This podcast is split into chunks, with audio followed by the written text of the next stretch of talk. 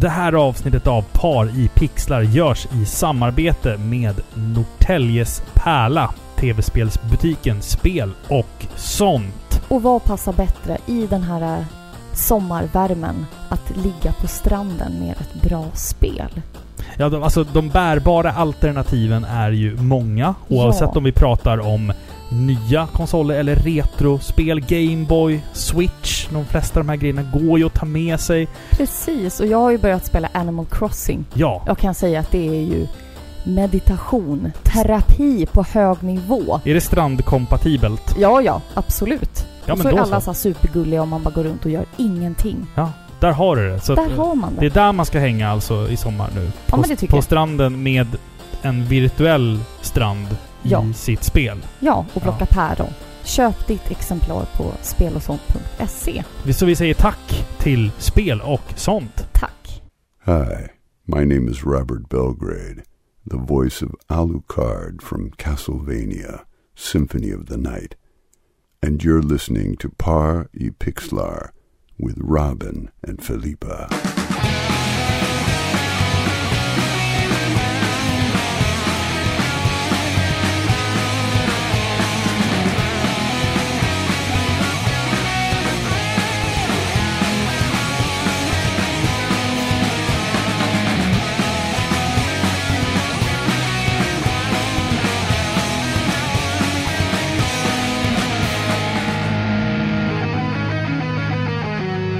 Hejsan och hjärtligt välkomna ska ni vara till avsnitt 136 av Sveriges mest kärleksfulla tv-spelspodcast Par i pixlar.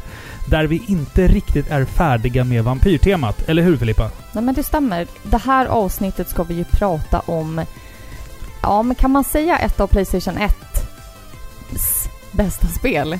De Eh, bästa, bland de bästa spelen på den konsolen. jag har ju yttrat mig eh, i den frågan förut. Ja, tar det du tillbaka spelet. dina åsikter? Så, nej, jag, jag är Nej. mer nyfiken på om, vi kommer, om du kommer komma fram till samma, samma slutsats som jag gjorde för många år sedan när Ja. jag spelade det här spelet för många år Det sedan. får vi se, men vi kan ju säga att vi har en, eh, ett bra avsnitt framför oss. Ja, och vi kan Ja. säga att spelet heter Castlevania Symphony of the Night. Det kan ju vara bra. Ja, vi börjar där. Först och främst, hur, hur, må, eller hur mår vi? Det är varmt här inne i studion.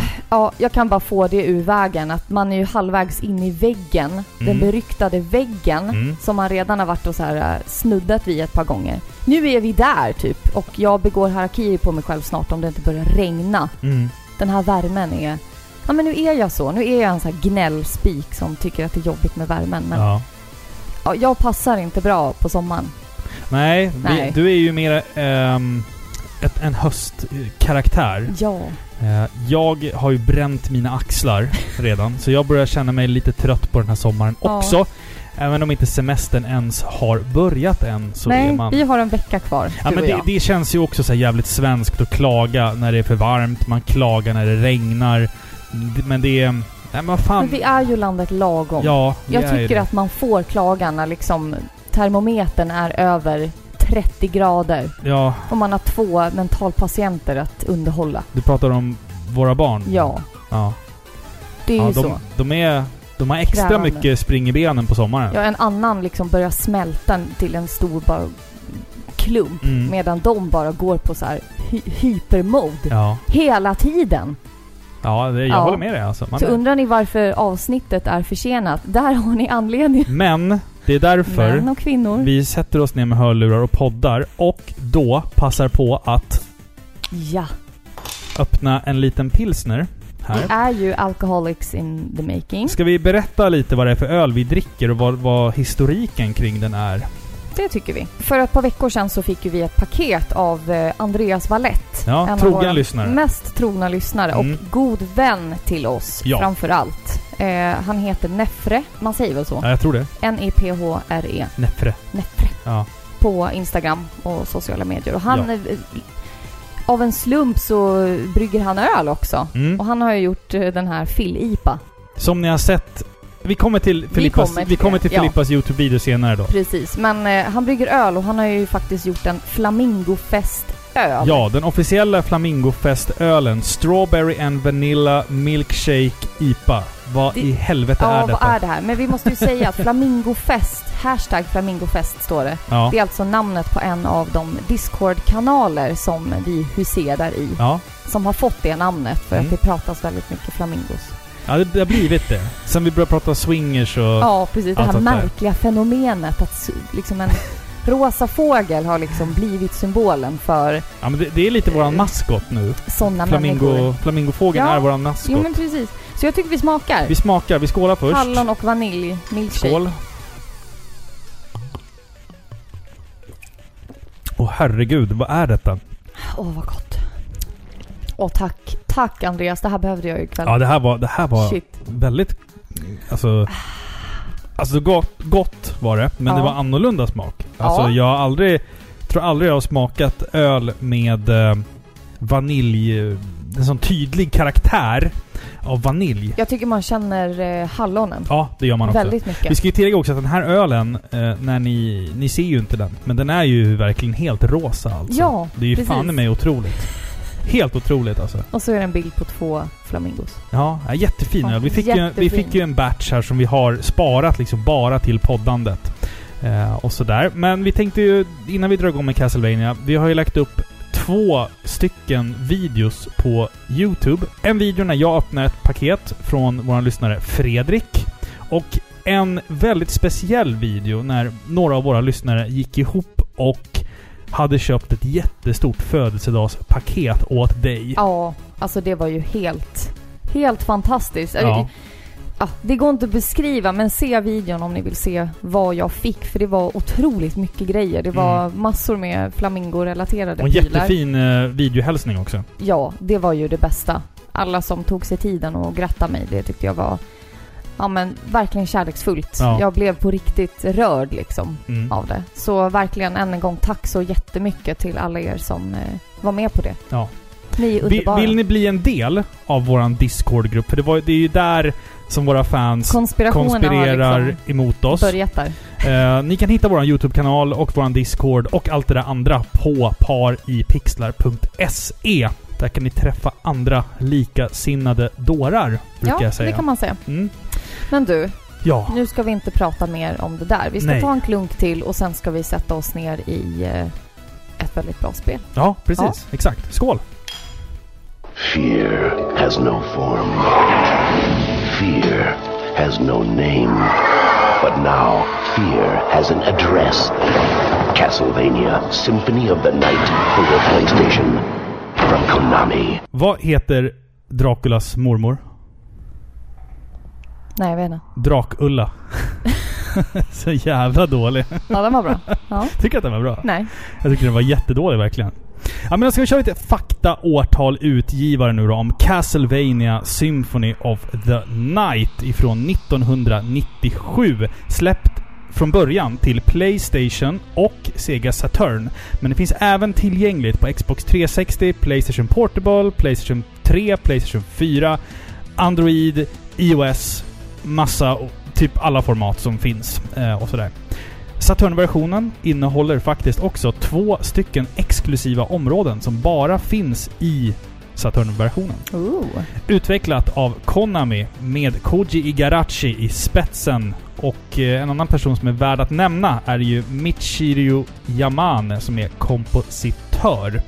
Som vi har sett. Som vi har sett ja. Ja. Precis. Och jag har träffat henne faktiskt. Till och med. Mm, jag, har, jag har fått hennes autograf och skakat hennes hand. Det var innan eh, coronatider så då fick man fortfarande skaka hand med... med Skakar den. Du tog, kända- du tog den inte bara och liksom kände vikten. Nej det var alltså... Fladdrade Jag, till min, den. jag, min- jag minns det som att hon hur, var... hur var hand? Jag minns att slaget, hon, liksom? att hon, hon var en sån här person som... ehm, när man skakar hand med personen, att de inte skakar hand utan de låter sig bara skakas. Jaha, som en död De- fisk en, en död liksom. hand längre de fram. De, de eh, låter dig skaka Ja, deras hand, exakt, men de exakt. skakar inte din. Nej. Och det blir också lite märkligt när man väl träffar en person ifrån, ifrån Japan. För att där är ju mer den här att man bugar. Ja, Liksom. Så att jag minns att jag... du kanske gjorde det samtidigt. Du Nej, nej, nej, skakade nej. hennes hand och bugade. Nej, jag minns att när, när jag träffade henne så skakade jag hennes hand. gav henne eh, mitt Castlevania Symphony of the Night-fodral. Ja. Ehm, och hon skrev på insidan av fodralet. Och sen bugade du. Och sen så, så sa jag 'Thank you very much' och sen backade jag ett steg och bugade djupt. Nej. Och länge. Nej, och då, vad så, då, då pinsamt. log hon åt mig och bugade tillbaka. Nej, vad och pinsamt, det, Nej, men det, alltså hon är ju verkligen speciell alltså. Men vet du, jag tycker att det är pinsamt när vi så här, europeer bugar. Fast jag tycker det är väl ganska, det är väl en ganska fin gest, är det inte det? Eller? Jo, det, alltså det kanske ses som det. Ja. De, jag vet inte. Jag hade velat prata med en japan Ja. om de tycker att det är bara löjligt att vi... Som att vi nästan gör oss lustiga över dem. Ja, jag vet Jag inte. tycker bugandet i sig är en ful gest. Ja, det är det ju. Alltså, det är en jätteful gest. Ja. Jag tycker det ser löjligt ut när man liksom slår ihop händerna. Att Det känns som nej, att men jag man slog liksom... inte ihop händerna. Jag hade händerna liksom i sidan. Ja men, det, alltså, ja men det är ännu fulare. och sen så som att bugade du är jag. en legogubbe som bara... Ja men ja, det var typ som en Ja. legogubbe. Ja, ungefär så. Det, nej, Nej men jag tyckte det var, jag tyckte hon förtjänade det såklart då, i Ja. alla fall. Din uh, humiliation. Fullständiga humiliation. det här är också ett så kallat Metroidvania. Och vad är fan är då ett Metroidvania? Har ni lyssnat på Paripixlar tidigare så vet ni att vi älskar Metroidvania-spel. Det är en Och bland... hatar. Ja, och hatar. Det är en blandning av liksom actionäventyr med, i, oftast i 2D då, eh, med eh, inslag av liksom eh, JRPG och, och sådär liksom. Det är mycket utforskandet som är eh, både fokuset men också eh, den, den här belönande grejen som gör att du liksom hittar Det är hemligheter. typ en labyrintkarta. Exakt, exakt. Föreställ dig eh, alltså ett realistiskt slott som är byggt på det sättet. Mm. Det är ju Ja. helt... Ja, det är ju bara två dimensioner. så Det är ju bara två blir ett väldigt, dimensioner. Det blir ett väldigt långt men och så platt slott. trappor som, ba, som man måste hoppa upp för. Jobbigt! Jag brukar tänka på det när jag spelar 2D-spel. När 2D-spel utspelar sig i typ vad som ska vara en hemmiljö, ett hus eller någonting. Och så Ja. bara, jaha, här hade de fått... Här får man hoppa upp för trapporna. Det är ett stort hål här emellan. Ja men eller hur? Det är ju Mm. så jättedjupt Ja. om du skulle ramla ner liksom. Det är ju som att de har satt upp halvfärdiga trappor i ett hisschakt. Ja, ja exakt, exakt. Så är det ju. Ja, ja. Ja. men det, det är sånt där. Det, det Mycket är rätt kul märkligt. faktiskt, när man tänker på det. Eh, det här var ju också tänkt som ett sidospår i den huvudsakliga numrerade Castlevania-serien. För vi hade ju tidigare då eh, Castlevania 1, 2, 3, 4. Sen fick vi Rondo of Blood som var liksom typ mer, mer eller mindre Japan-exklusivt. Det släpptes i Europa som Vampires Kiss, men då var det typ ett helt annat spel. Är det då man är Richter Belmont. Richter? Ja. Det är inte han vithåriga. Eh, nej. Vilken är det? Det är Dawn of Sorrow. Ja, Det är Da- Dawn och, Dawn och Area of Sorrow just spelar du som hon... eh, Ja, vad fan heter hon nu då?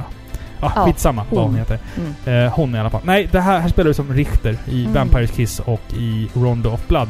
Sen är ju det här en uppföljare på Rondo of Blood. Vi Ja. kommer komma in på det lite senare, hur de här spelen hänger ihop. Men som sagt, det här var ju det första Castlevania-spelet, mer eller mindre, där du får utforska fritt. Visst, Simons Quest säger folk då, att, men visst, du kunde gå åt två håll. Alltså, ja, Ja, men här- den var ju, är ju- före. Fast det här Ja. är ju såklart en avancering av Precis. det. Alltså Simons Quest är ju någonstans Metroidvania i sin linda. Som man Ja. säger. Ehm, här är det ju mer ett, ett mer genomtänkt koncept. Fråga. Ja. Genuin fråga. Är Mm. det här det första Castlevania-spelet med röstskådespelare? Ja. Ja. Ja. Och det gör ju väldigt mycket. Det, det som också är lite spännande, det är ju att... Eh, jag sa ju det, att det här spelet var ju tänkt som ett sidospår till huvudserien. Det som var tänkt då att vara fortsättningen på Castlevanias huvudspår var ju Castlevania 64. Nej! Det gick ju sådär Det alltså. gick ju sådär. De hann inte ens klart med spelet.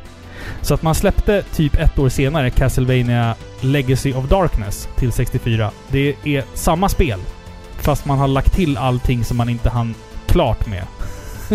När, när Castlevania 64 släpptes. Ja, det är ju ganska sågat. Så- Men det är ju Ja. så. Det är den här första, det är den här förbannelsen med de första 3D-spelen. ja, Liksom. exakt, Mm. exakt. Men nu har vi i alla fall liksom etablerat vad Castlevania Symphony of the Night är för någonting. Så att, ska jag läsa lite synopsis här? Ska, Ja, men det tycker jag. ska jag försöka inbringa lite stämning nu då? Ja, men försök. Då ska vi se här. Har vi musiken med oss? Ja, där kom den. nu måste jag ta en klunk här och, och verkligen... Nu ska jag göra Gör ditt mitt bä- bästa bästa nu. försök här nu på att göra ett bra synopsis. Okej? Under ett illavarslande månsken framträder ett slott ur dimman. Nej, Va? nej. Ta det igen. Under ett illavarslande månsken framträder ett slott Nej, men ur... du gör det till. Men vadå? Vet du vad Robin? Ja. Jag, jag tycker att vi... Jag har en annan person i åtanke som kan göra det här mycket bättre. Vem då? Alltså... Vänta lite, jag har faktiskt en trollformel. Du vet ju att jag är lite så här häxa vid sidan av ju. Ja, ja. Ja, vänta lite så ska jag Ja. fixa. Okej. Vad håller du på Varför, varför rör du dig sådär och gör en... Men jag måste ju göra korrekta rörelser här. Okej. Oj, nu händer det Oj, något! jäklar! Fladdermöss överallt. Så, nu kommer han. Nu kommer han. Oj, okej. Men kolla! Det är ju för fan... Det är Alucard. Jag vet. Fan, känner du honom eller? Ja, kanske. I'll take it from here.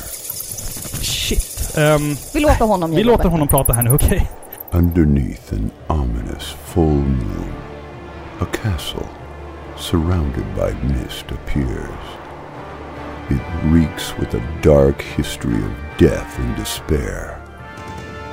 A pale creature with silver hair is heading towards its great walls. He is determined, and he is bound by fate and destiny to once again enter the darkness that lies within. His name is Alucard, and the master of the castle is his father, the Count himself. It's been a long time since he faced Dracula, but the castle has awoken once again, and with it, the evil within. It is time to put an end to this once and for all. This time in the company of Robin and Philippa.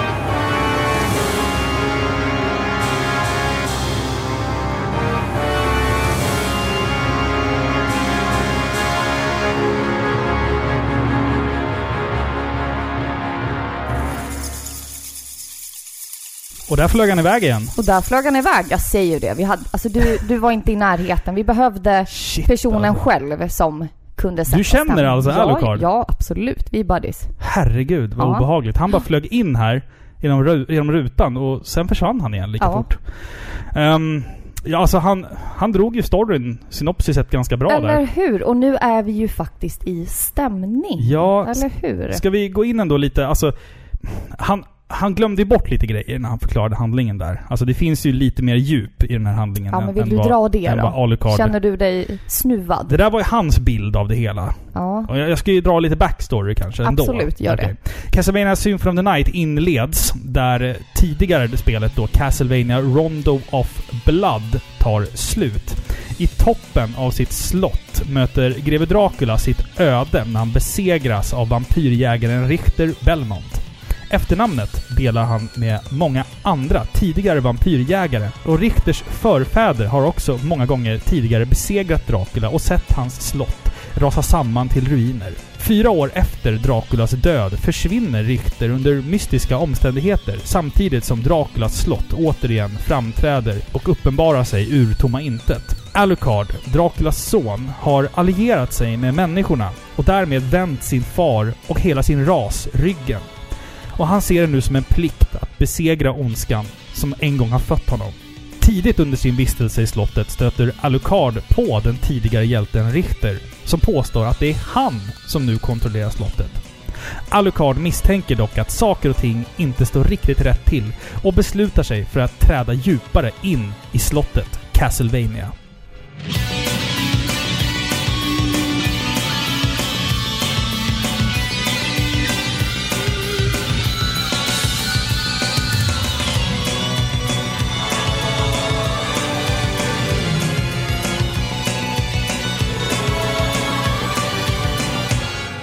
Nu har vi ju alla bitar på plats. Nu har vi ju etablerat Alucard och eh, var vi är nu någonstans. Ja, vart vi är, vem vi är, hur vi är där. Men jag är lite nyfiken på att höra vad du, när vi nu satte igång vårt gamla Playstation, ehm, vad, vad fick du för första intryck liksom? Vad var det som, som slog dig? Alltså framförallt, det här är ett spel som jag vet att du tycker väldigt mycket om. Mm, mm. Eh, jag vet att det är ett älskat spel inom våra kretsar, så jag hade nog ganska höga förväntningar på det. Alltså jag tyckte det kändes riktigt, riktigt nice att äntligen få spela det här spelet.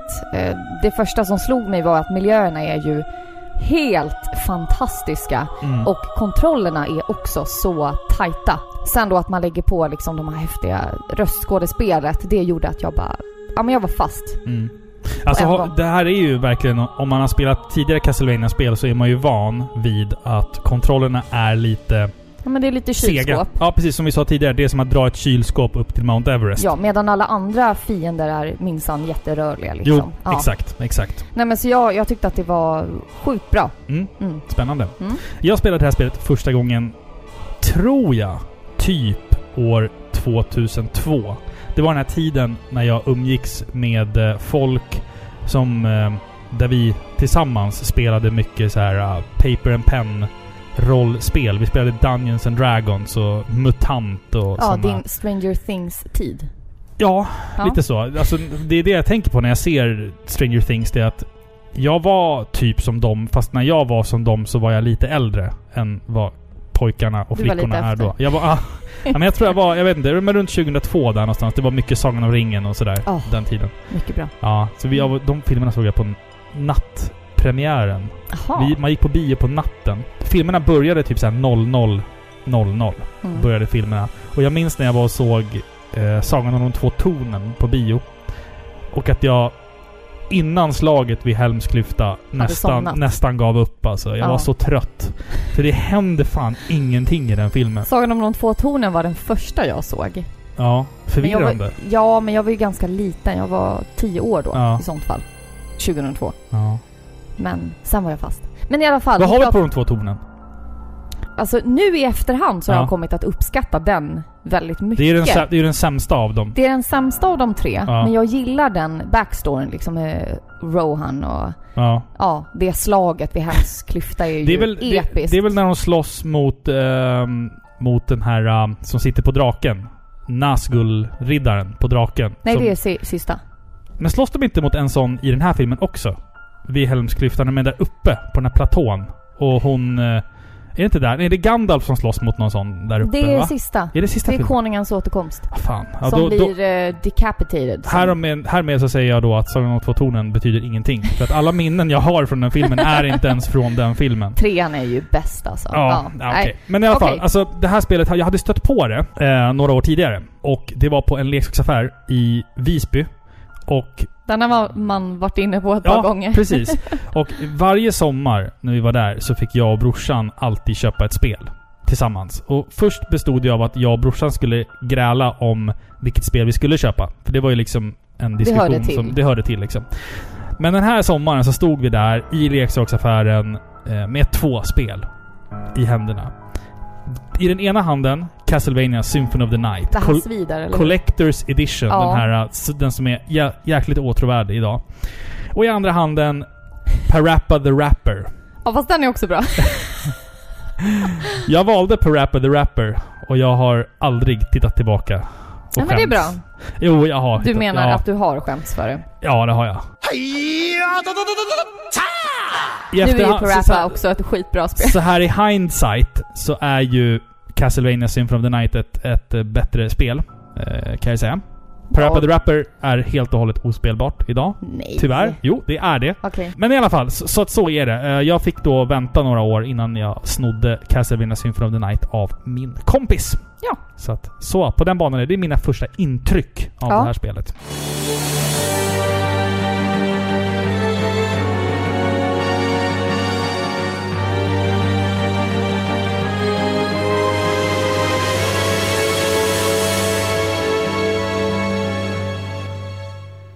Ja, men om jag ska prata lite hur spelet ser ut. Mm.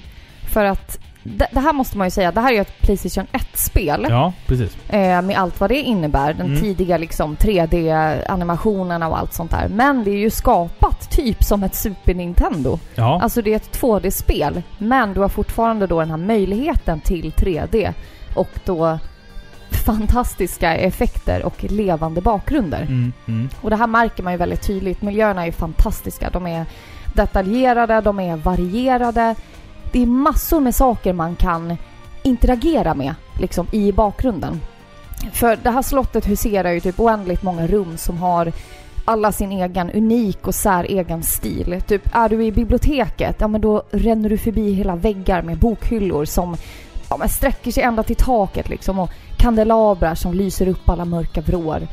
Men är du nere i katakomberna så känns det precis som att du typ ja, stigit rakt ner i helvetets leriga och sandiga hemvist. Liksom. Det är mörkt, det Mm. är dunkelt. Man kan nästan föreställa sig liksom att det doftar förruttnelse. ja, exakt. Eller hur? Det är väldigt stämningsfullt på grund Mm. av de här miljöerna. Eh, det skapar liksom en stämning som sitter kvar bra länge efter att man har stängt av spelet för kvällen. Mm. Jag känner att man får liksom en god lust att sätta på någon gammal Bela Lugosi-rulle att mysa framför.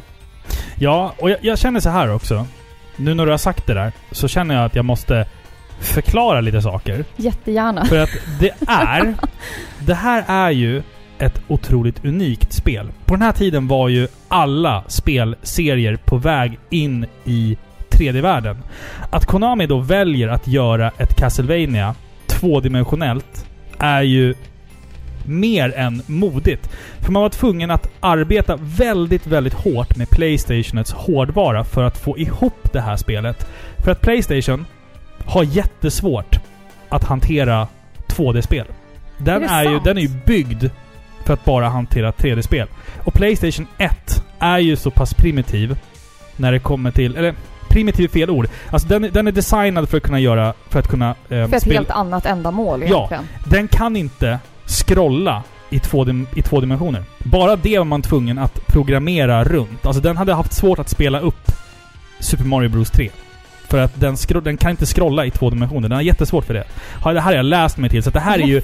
Jag pratar ju lite över min ovanför min egen kunskap just Ja, nu. men det, alltså, det förklarar en hel del. Ja, för att jag, när jag läser om det här så, så är det här spelet liksom ganska mycket, trots att det ser primitivt ut, lite av en teknisk landvinning eftersom att man var tvungen att gå runt. Det här spelet är ju ett 3D-spel fast det ser ut som ett 2D-spel. Ja, alltså det är superhäftigt. Och jag tänker, jag blir, alltså jag blir speciellt imponerad av de här jag vet inte, i, i brist på bättre ord så säger Mm. jag parallax-scrollning. Det är ju sånt man använder i 2D-spel. Jag vet Ja, inte ja, om det kan kallas det i ett 3D-spel.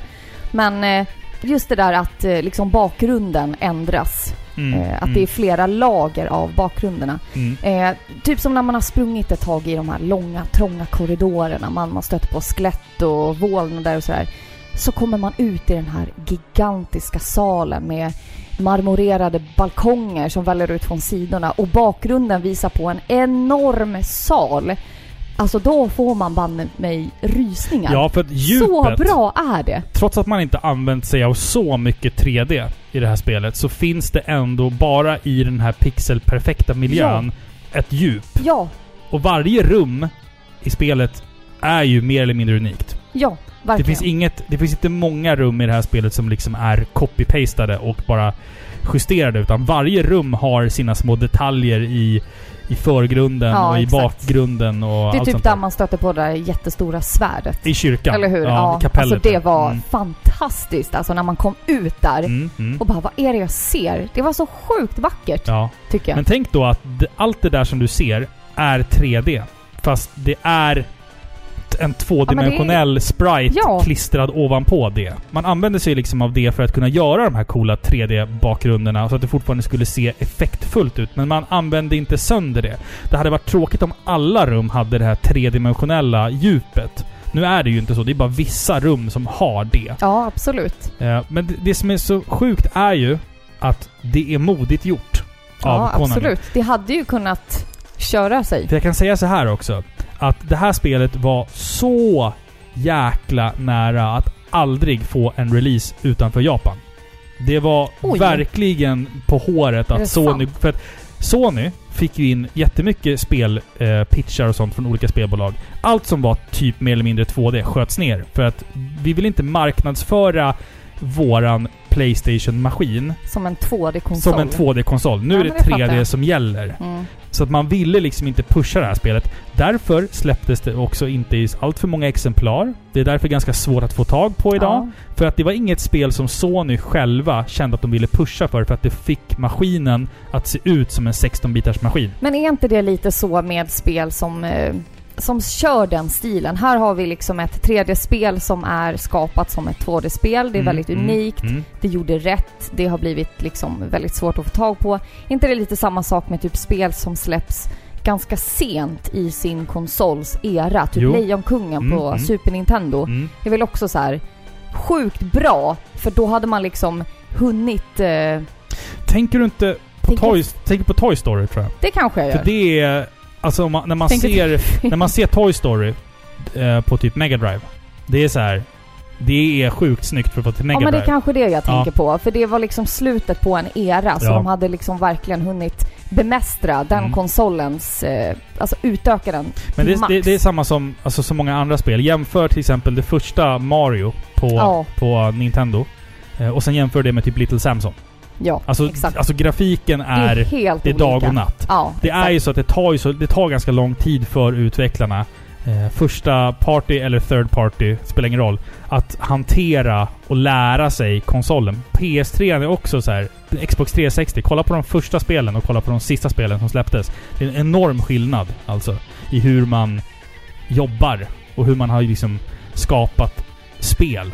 Det här är ju ett tvådimensionellt spel på en 3D-konsol, så tycker jag ändå att det är ju jävligt snyggt. Alltså det är ju pixelperfektion i, i fingerspetsen. Ja, ja, absolut. Jämför det här med Super Nintendo-spel. Det, är ju inte, det går ju inte att jämföra riktigt.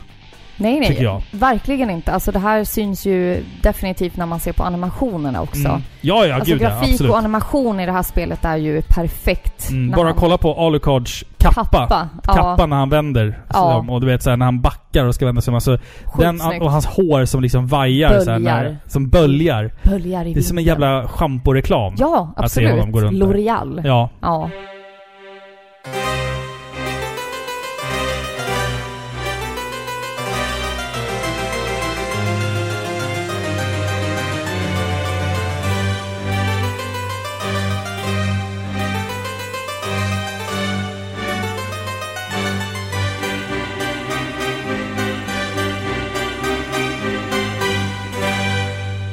Men jag tycker också att det är otroligt bra fiender. De är också bra gjorda, tycker jag. Mm, De mm. bjuder på en hel del kända ansikten från castlevania serien Vi har ju de här klassikerna från eh, tidigare titlar. Vi har ju Dracula såklart, vi har Döden. Mm. Vi har de här vålnaderna i början. Jag tror att de är zombies eller Zombies, någonting. jag tror de som, heter Zombie bara. som bara dyker upp från marken. Vi har de här grodmännen.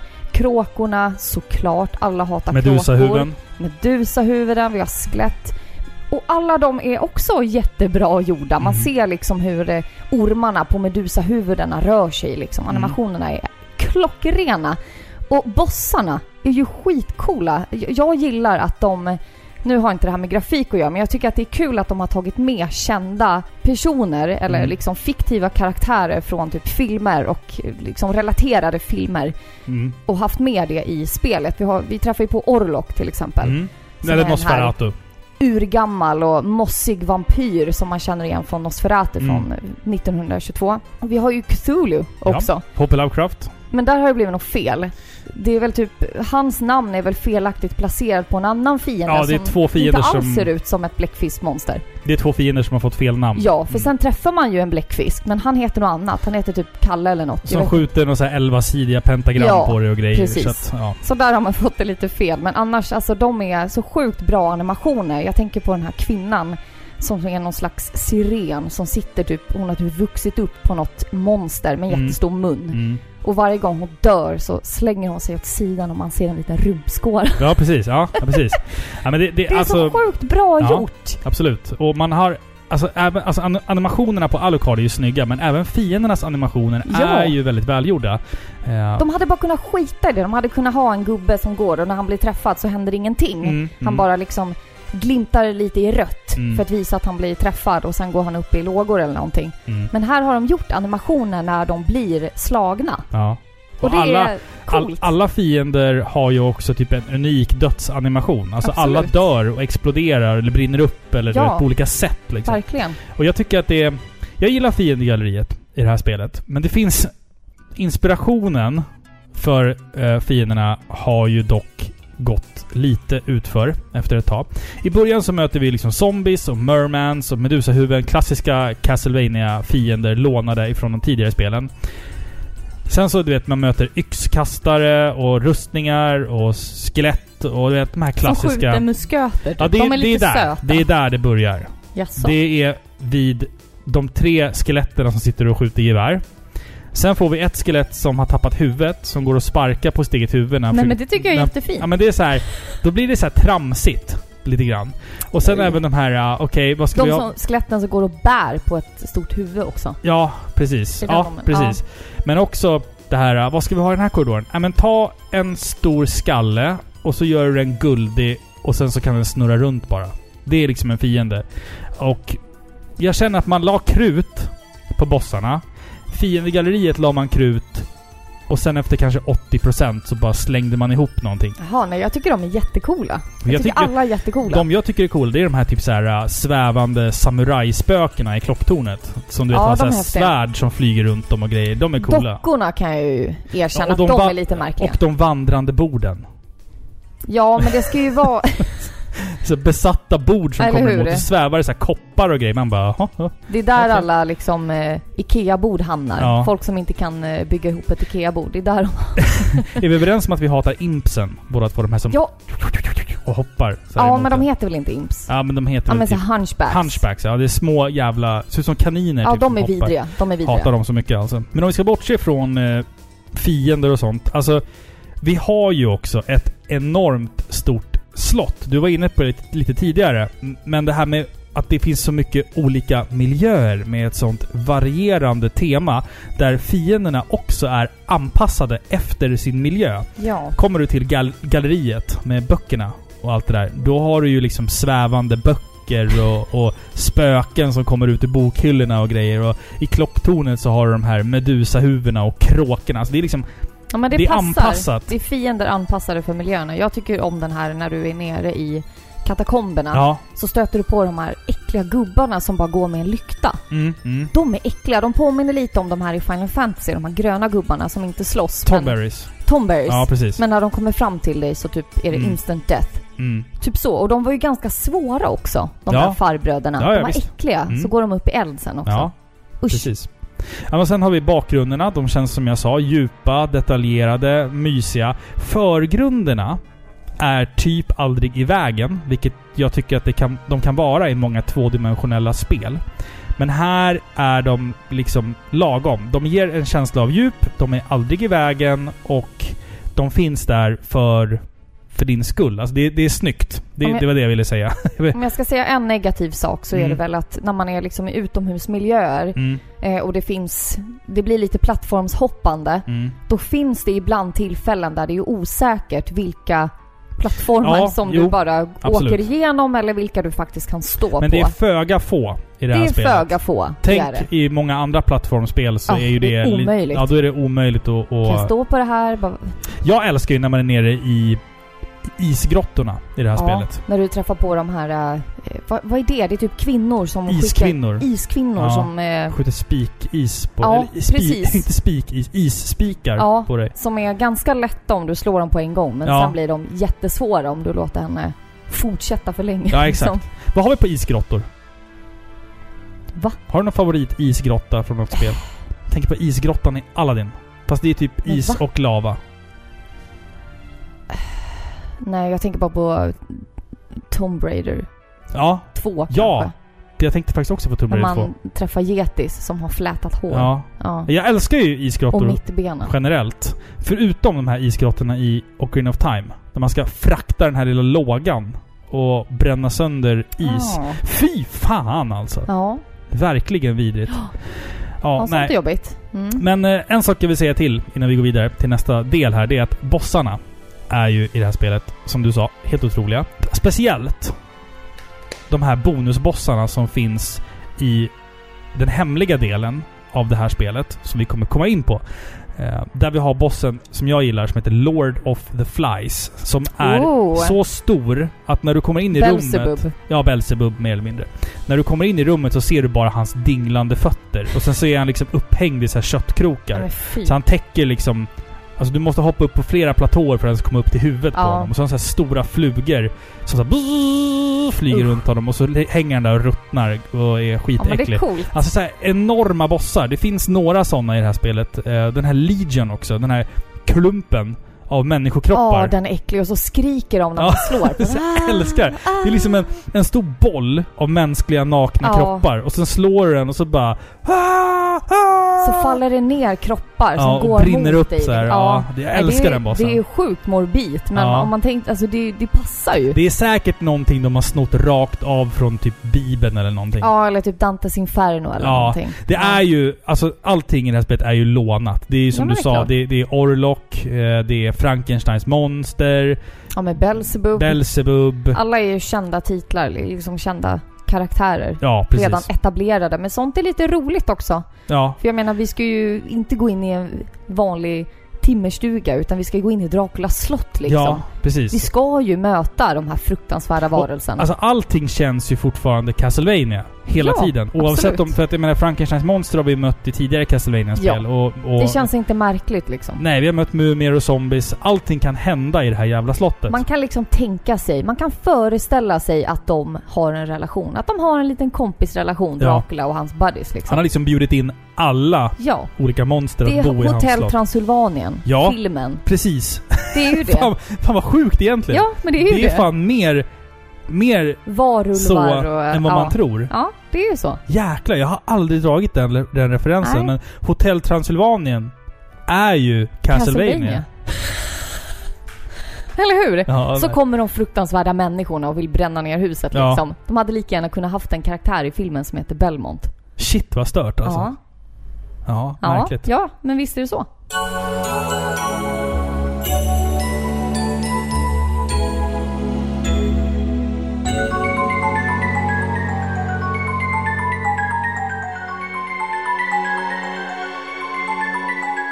Ja men nu ska vi väl gå in på lite, ja men hur låter det Nej, här nej, nej, spelet? nej, nej. Det är dags för ett pappaskämt. Vad får man om man kapar av benen på en gås? Gå inte. Nej, svaret är S.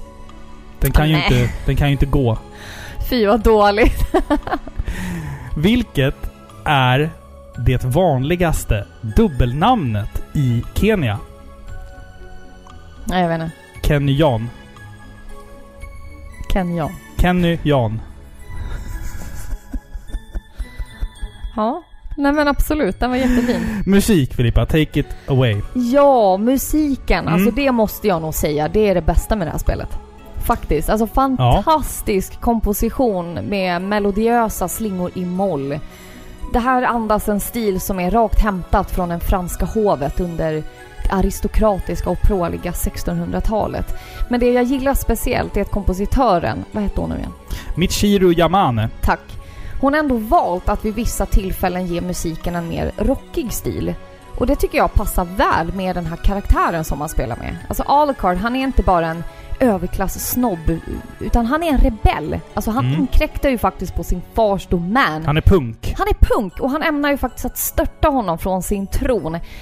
Det behövs lite mer en spinetter då känner jag och en elgitarr som ljuder i bakgrunden medan du svischar förbi och drämmer skelett i huvudet så, ja men det blir inte bättre än så. Mm. Alltså jag känner ju så här att här kommer ju musiken... Jag känner ju så Ja, här. men jag- alltså, så- alltså, Vad tycker du? nej, men så här är det faktiskt. Att de tidigare Castlevania-spelen har ju inte haft möjligheten att ha riktiga samplade instrument. Men nu har vi ju CD-teknologi här. Vilket gör att vi kan ha riktiga elgitarrer. Men om man ser tillbaka på Castlevania 1, 2, 3, 4 exempelvis. Alla de låtarna är ju metal-låtar fast i 8 och 16 bitars. Alltså, Hell yeah! Alltså all Castlevania-musik tidigare går ju att göra om till metal-låtar. Ja. Så enkelt. Det är ju liksom, Ja. det är komponerat som, som, som power metal. Heart of liksom. Fire. Ja, eller vad Alltså- fan.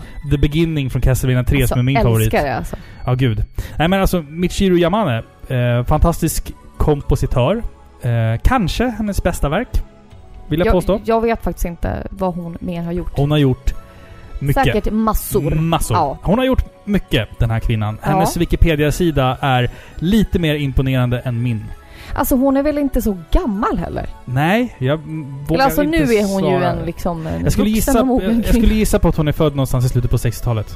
Skulle jag gissa Ja, på. men det är ganska ungt. Alltså Mm. det här släpptes väl 97? Ja. Vad sa vi? Mm. 97. Att ändå komponera det här liksom. Jag tycker det är otroligt imponerande. Ja. För att här, som du sa, alltså här blandas ju den här symfoniska liksom, verken med så här orkestrala bitar, spinetter, kyrkoorglar, kyrkoorglar och Orlar. kyrkoorglar. Säg det tre gånger Ja, kyrkoorglar.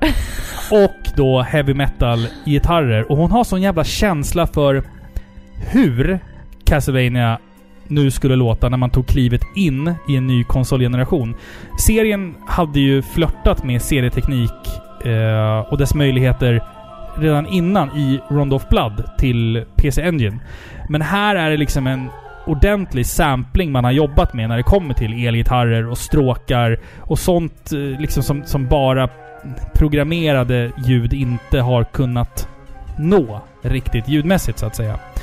Bortser man från tre låtar på det här soundtracket så är hon ensam kompositör för hela skiten. Det är helt sjukt. Ja, det är vansinnigt. Alltså, tänk, du, du har ju variationen i musiken. Alltså, det är Ja, sånt- alltså det är helt otroligt. Ja, det är så Varje mycket låt olika. bjuder ju på någonting nytt. Ja, exakt, exakt.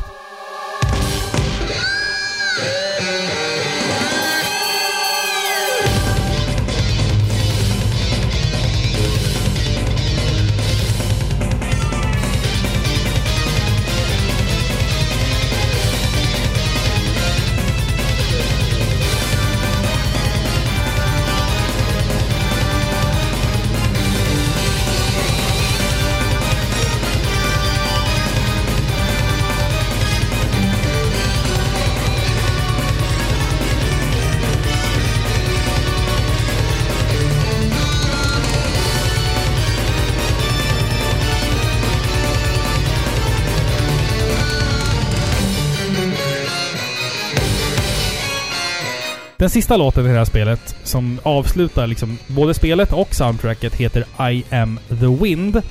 Den är skriven av Rika Muranaka. Och eh, henne känner vi igen ifrån Metal Gear Solid-serien faktiskt. Ooh. På sång i den låten så har vi ju Cynthia Harrell. Som du kan känna igen. Hon sjunger ju Ja. även Snake Eater. Ja! Hon sjunger... Alltså den Bond-dängan. Ja, hon alltså. sjunger slutmotivet i Nice. det här spelet. Eh, mina favoritlåtar i det här spelet är nog Tragic Prince och Lost Paintings. Tror jag. Jaha. ja. Dance of Palace är ju också riktigt fin.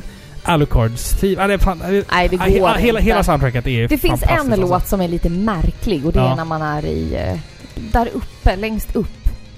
Och det är så trä. Den som vi sa var, var lite så märklig. Nej, du, du tänker på Colosseumet. Ja! Den blir såhär jazzig och så här alltså, märklig. Den låten är konstig. Men ja. den låten måste du lyssna på. För att i, i det här spelet så är ju... Det är typ... Looparna är inte så korta. Utan låtarna... Varje låt är ganska lång. Sen Ja. startas den om varje gång du går in Precis, och ut. den blir ju bra. Den blir bra typ ja, en minut in när gitarrharmonierna kommer. Ja, precis. Då blir det... Man Det bara åh, svängigt. shit vad bra det är. Alltså, alltså, ja, men, alltså Jag är kvar här seriöst. Hela det här soundtracket... äh, det här spelet är ju känt Ja. för soundtracket. Ja, det är fantastiskt. Eh, för att det sattes så... Alltså, det är så jävla mycket Castlevania Ja. på något sätt. Ja. Innan man typ visste vad Castlevania riktigt var Man, man undrar ju typ om hon har spelat spelen. Ja, gud ja. Det, Tror du det? Ja, ja, ja, absolut. Som tidigare? Ja, det, alltså absolut. Ja, det måste hon ha gjort. Annars hade hon inte kunnat gjort Nej det men här. hon har, kan ju ha studerat musiken. Jo, men, jag, nej, men jag, jag får bara känslan att hon måste ha spelat spelet för att liksom få, få en Ja, känsla kanske. för det liksom. Jag, jag tänker så här att det känns som att hon åtminstone har en stor kärlek till den här Mm. typen av spel. Eh, och speciellt hon som- stämningen. För det, det märks att det ligger enorm passion bakom det här verket. Det kan ju ha varit hon som även gjorde soundtracket till Round of Blood. Det vet jag faktiskt inte. Nej. Jag har typ... jättelite relation till Round of Blood. Jag vill ju verkligen spela det, men jag har liksom ingen PC Engine. Den Är versionen... det bara släppt på PC Engine? Ja, jag tror att det fanns att ladda ner till Wii. Men den butiken är ju stängd nu. Så jag tror att det enda sättet att spela spelet är om du spelar PSP-versionen som är i 2D, 3D. Klarar den, då kan du spela originalet, har jag för mig. Annars är det ju liksom en PC Engine du måste skaffa dig. Eller en TurboGrafx 16. Okej. Ehm, och det är, det är dyrt. Ja. Det är dyrt. Ja, det är dyrt. Vi får kolla på YouTube istället då. Ja, precis, precis. Round of Blood är ett jävligt unikt spel. Och det är så nära besläktat med Mm. Symphony of the Night. Just, ja, det är alltså, en direkt uppföljare. Round of Blood är ju mer ett klassiskt castlevania spel för att det är ju linjärt. Men du har branching paths, ganska många. Och... Oj, här är... Delade här, vägar. Och här är typ ett hål där du tror att du dör om du hoppar ner. Men det visar sig att du kommer till en sidobana istället. Ah. Alltså det är mycket sånt och du kan så här, hitta nycklar som du måste bära hela vägen till banans slut för att kunna låsa upp en hemlig bana. Och få Ja, det det, hemliga slutet. Alltså ja, det, det, det är lite mer primitivt. Ja, fast det är som Symphony of the Night i konceptet fast det är straight forward. Ja, mer eller precis. mindre. Ah, Alucard, what is your business here? I've come to put an end to this. Still befriending mortals. I'll not ask you to return to our side, but I demand you cease your attack. I will not. Men någonting som är... Alltså musiken, det kan Mm. jag säga, det är det bästa med det här spelet. Det säger jag rakt här och nu. Jo men jag Ja, tycker jag det. Jag inte tycker det. Musiken är Ja. top notch. Ja, ja, ja. Men jag, Förutom en lite märklig låt. Men någonting annat som ger det här spelet själ, det är ju röstskådespelet. Och vi har ju redan fått en eh, liten introduktion av Ja. Alucards röstskådespelare. ja. Alltså det här, det är humoristiskt och Alltså jag måste ändå säga, det är delvis stel prestation. Men det är ändå det som ger spelet själ på något sätt. Det gör Ja. så mycket, det ger karaktär åt slottet. Jag tänker typ när man träffar döden för första gången Ja. i början av spelet. ja. Dialogerna visar på liksom att men de båda känner varandra. Det är lite så här familjärt och avslappnade konversationer med, Alltså med menar nu... dödens nasala röst. Du menar ju nu den Ja. skrivna dialogen. Och inte sättet de liksom utför dialogen för att det, det är ju... Ja men det, alltså jag det är älskar det. Ja men det är så dåligt. Ja, men jag älskar det. Ja, Jag- men- alltså, jo, man- man det gör ger det, ja. karaktär och att det här spelet. Jag tycker det är så härligt att få uppleva det. Jag älskar det verkligen. Och Ja, vi men, har ja. ju liksom en av spelvärldens mest kända citat. What is a man? Ja, a miserable little pile Ja. of secrets. Jag tycker att det är kul. Förstår du? Jag gillar det. Det här spelet hade inte varit detsamma utan de här prestationerna. Ja. Die monster, you don't belong in this world. Det enda som hade varit bättre, det är om de hade haft musik på i Ja, bakgrunden. det är nästan aldrig musik på Nej, när det är voice Det blir acting. helt tyst och då Mm. måste man ändå förstå att det förtar lite av stämningen för då Ja. är det liksom 100% fokus på deras eh, liksom röstprestation. Mm. Eh, medan en musikslinga i bakgrunden hade ju kunnat hjälpa till att Ja. hålla kvar den här stämningen. Men nu är det inte det utan nu liksom blir det tyst Mm, helt. mm. Och man hör bara deras liksom lite ekande röst. Som... eh, Och sen Marias karaktär som inte kan uttala Richter. Ja, Richter! Richter. Men det är typ som att han är tysk. Have you seen Richter? Ja, men alltså jag, jag Ja. älskar det. Jag hade inte velat ha det på något annat sätt. Jag tycker att det är jätteroligt. Ja, det är ju kul. Alltså, men som jag sa, spelet är ju känt för sitt fantastiska soundtrack, men också för den... Jag skulle inte säga dåliga röstskådespelarinsatsen. Jag skulle säga ojämna man säga. röstskådespelarinsatsen. Richter spelas ju av Scott McCulloch. Jag vet inte vad det uttalas. McCulloch. Jag tror att det är typ kanadensiskt eller någonting. Det låter typ irländskt Ja, jag eller vet eh, eh, skotskt. Han är ju känd också för att han gjorde rösten till Chris Redfield i det första Resident Evil. Just det. Även- Han, gick, eh, han gick bort i år väl? Ja, han dog i år faktiskt. Ja. Eh, inte allt för gammal. Han spelade även Wild Dog i Time Crisis, som jag älskar. Tråkigt. Jättetråkigt. Han, för jag förknippar ju hans röst väldigt mycket med Chris Redfield. Ja, det är klart. Eh, så att det var jättetråkigt att han, att han dog. Mm. Nu, eh, jag tror att det var i år, eller förra året, som han, som han dog. Robert Belgrade gör ju rösten till Alucard. Såklart. Och det var han som då hjälpte oss med det lilla introt här. Fantastiskt! Ja. Alltså det var otroligt kul att få med honom på ett hörn faktiskt. Ja, Robert Belgrade, eh, som då gör rösten till Alucard, han har ett meddelande också till eh, lyssnarna av Parapixlar eh, som, vi ska, som jag ska läsa upp för er lite senare innan vi avslutar idag. Då. Så att ni får jättegärna eh, hänga med till slutet på det här avsnittet. Men eh, dubbningen var det som sagt och eh, den... Även om den var ikonisk så valde man faktiskt att typ dubba om den i PSP-versionen av Symphony of the Night. Med andra skådespelare. Är det sant? Och det är precis som med Silent Hill 2. När man släppte det på PS3. Man dubbade om hela spelet. Och även om röstskådespelet i Silent Hill 2... Till när den bytte konsol eller?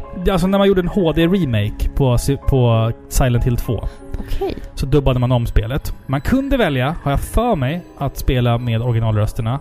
Eh, och, Det här känner inte jag till. och även då PSP-versionen av Symphony of the Night är omdubbad.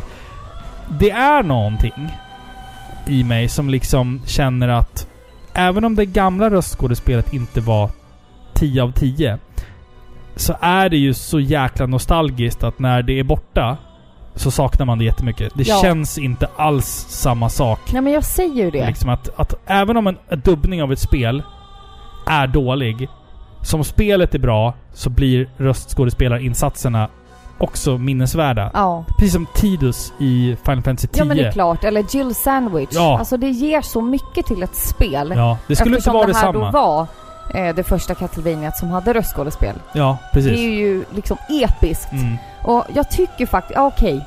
Viss prestation är lite, det låter lite töntigt liksom. Och Mm, speciellt mm. döden som låter som Skeletor He-Man. Ja, pre- ja Liksom. precis. Ja. Men man måste förstå att det finns liksom ingen musik i bakgrunden. Hade det funnits det Ja. så hade vi nog tyckt att prestationerna var bättre. ja, det hade, varit, hade inte varit lika naket. Nej, men fatta själv att du ska stå där vid en mick och så bara okej nu ska du porträttera döden och Mm, bara okej. Alltså det är säkert sjukt svårt att få till det där, få det att låta trovärdigt men det ska ändå vara tillräckligt eh, passionerat Mm, och liksom överdrivet för att passa en mardrömslik icke-realistisk Ja, karaktär. precis, alltså precis, det, ja. det är nog skitsvårt att göra sådana jag tror saker. att hade man haft musik där så hade man nog inte tänkt på att röstskådespelarinsatserna var så ojämna. Nej, alltså jag. det räcker ju egentligen med att du har lite för mycket mellanrum mellan dialogerna Mm, för mm. att det ska låta eh, krystat Ja, exakt. och stelt. exakt. Ja. Ja, bara det, när, när man pratar med en person, det hinner ju inte gå mer än liksom en fjärdedel sekund innan någon svarar. Mm, om man mm. har liksom en livlig diskussion. Mm. I det här spelet är det inte så. Nej, men så Utan är det det- inte i spel generellt. Inte i film heller. Nej, det får gå ganska långt emellan och då blir det liksom stelt. Det upplevs stelt. Ja, exakt. Ja. Va- varje konversation blir ju lite awkward. Ja, Mm. men som sagt, jag älskar det. Ja. Jag hade inte velat ha det på något annat sätt. Inte jag heller.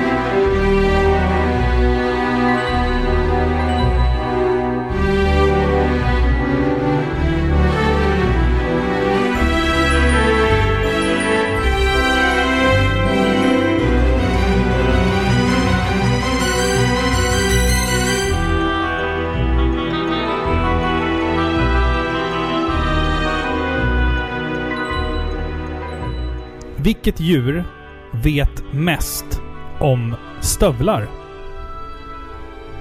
Stövelkatt. Nej, jag vet inte. Känguru. Känguru. Ja, men det var fint. Två av tio.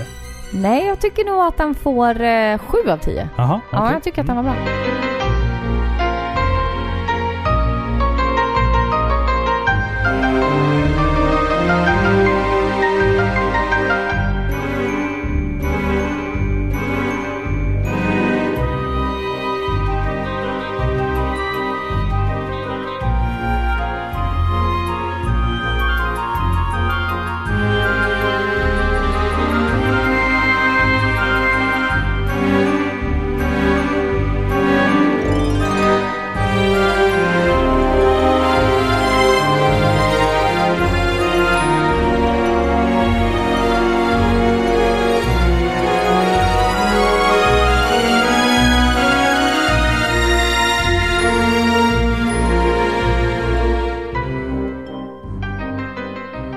Ska gå in på lite gameplay. Castlevania Symphony of the Night är ju ett så kallat Metroidvania som vi ofta pratar om här i Paripixlar.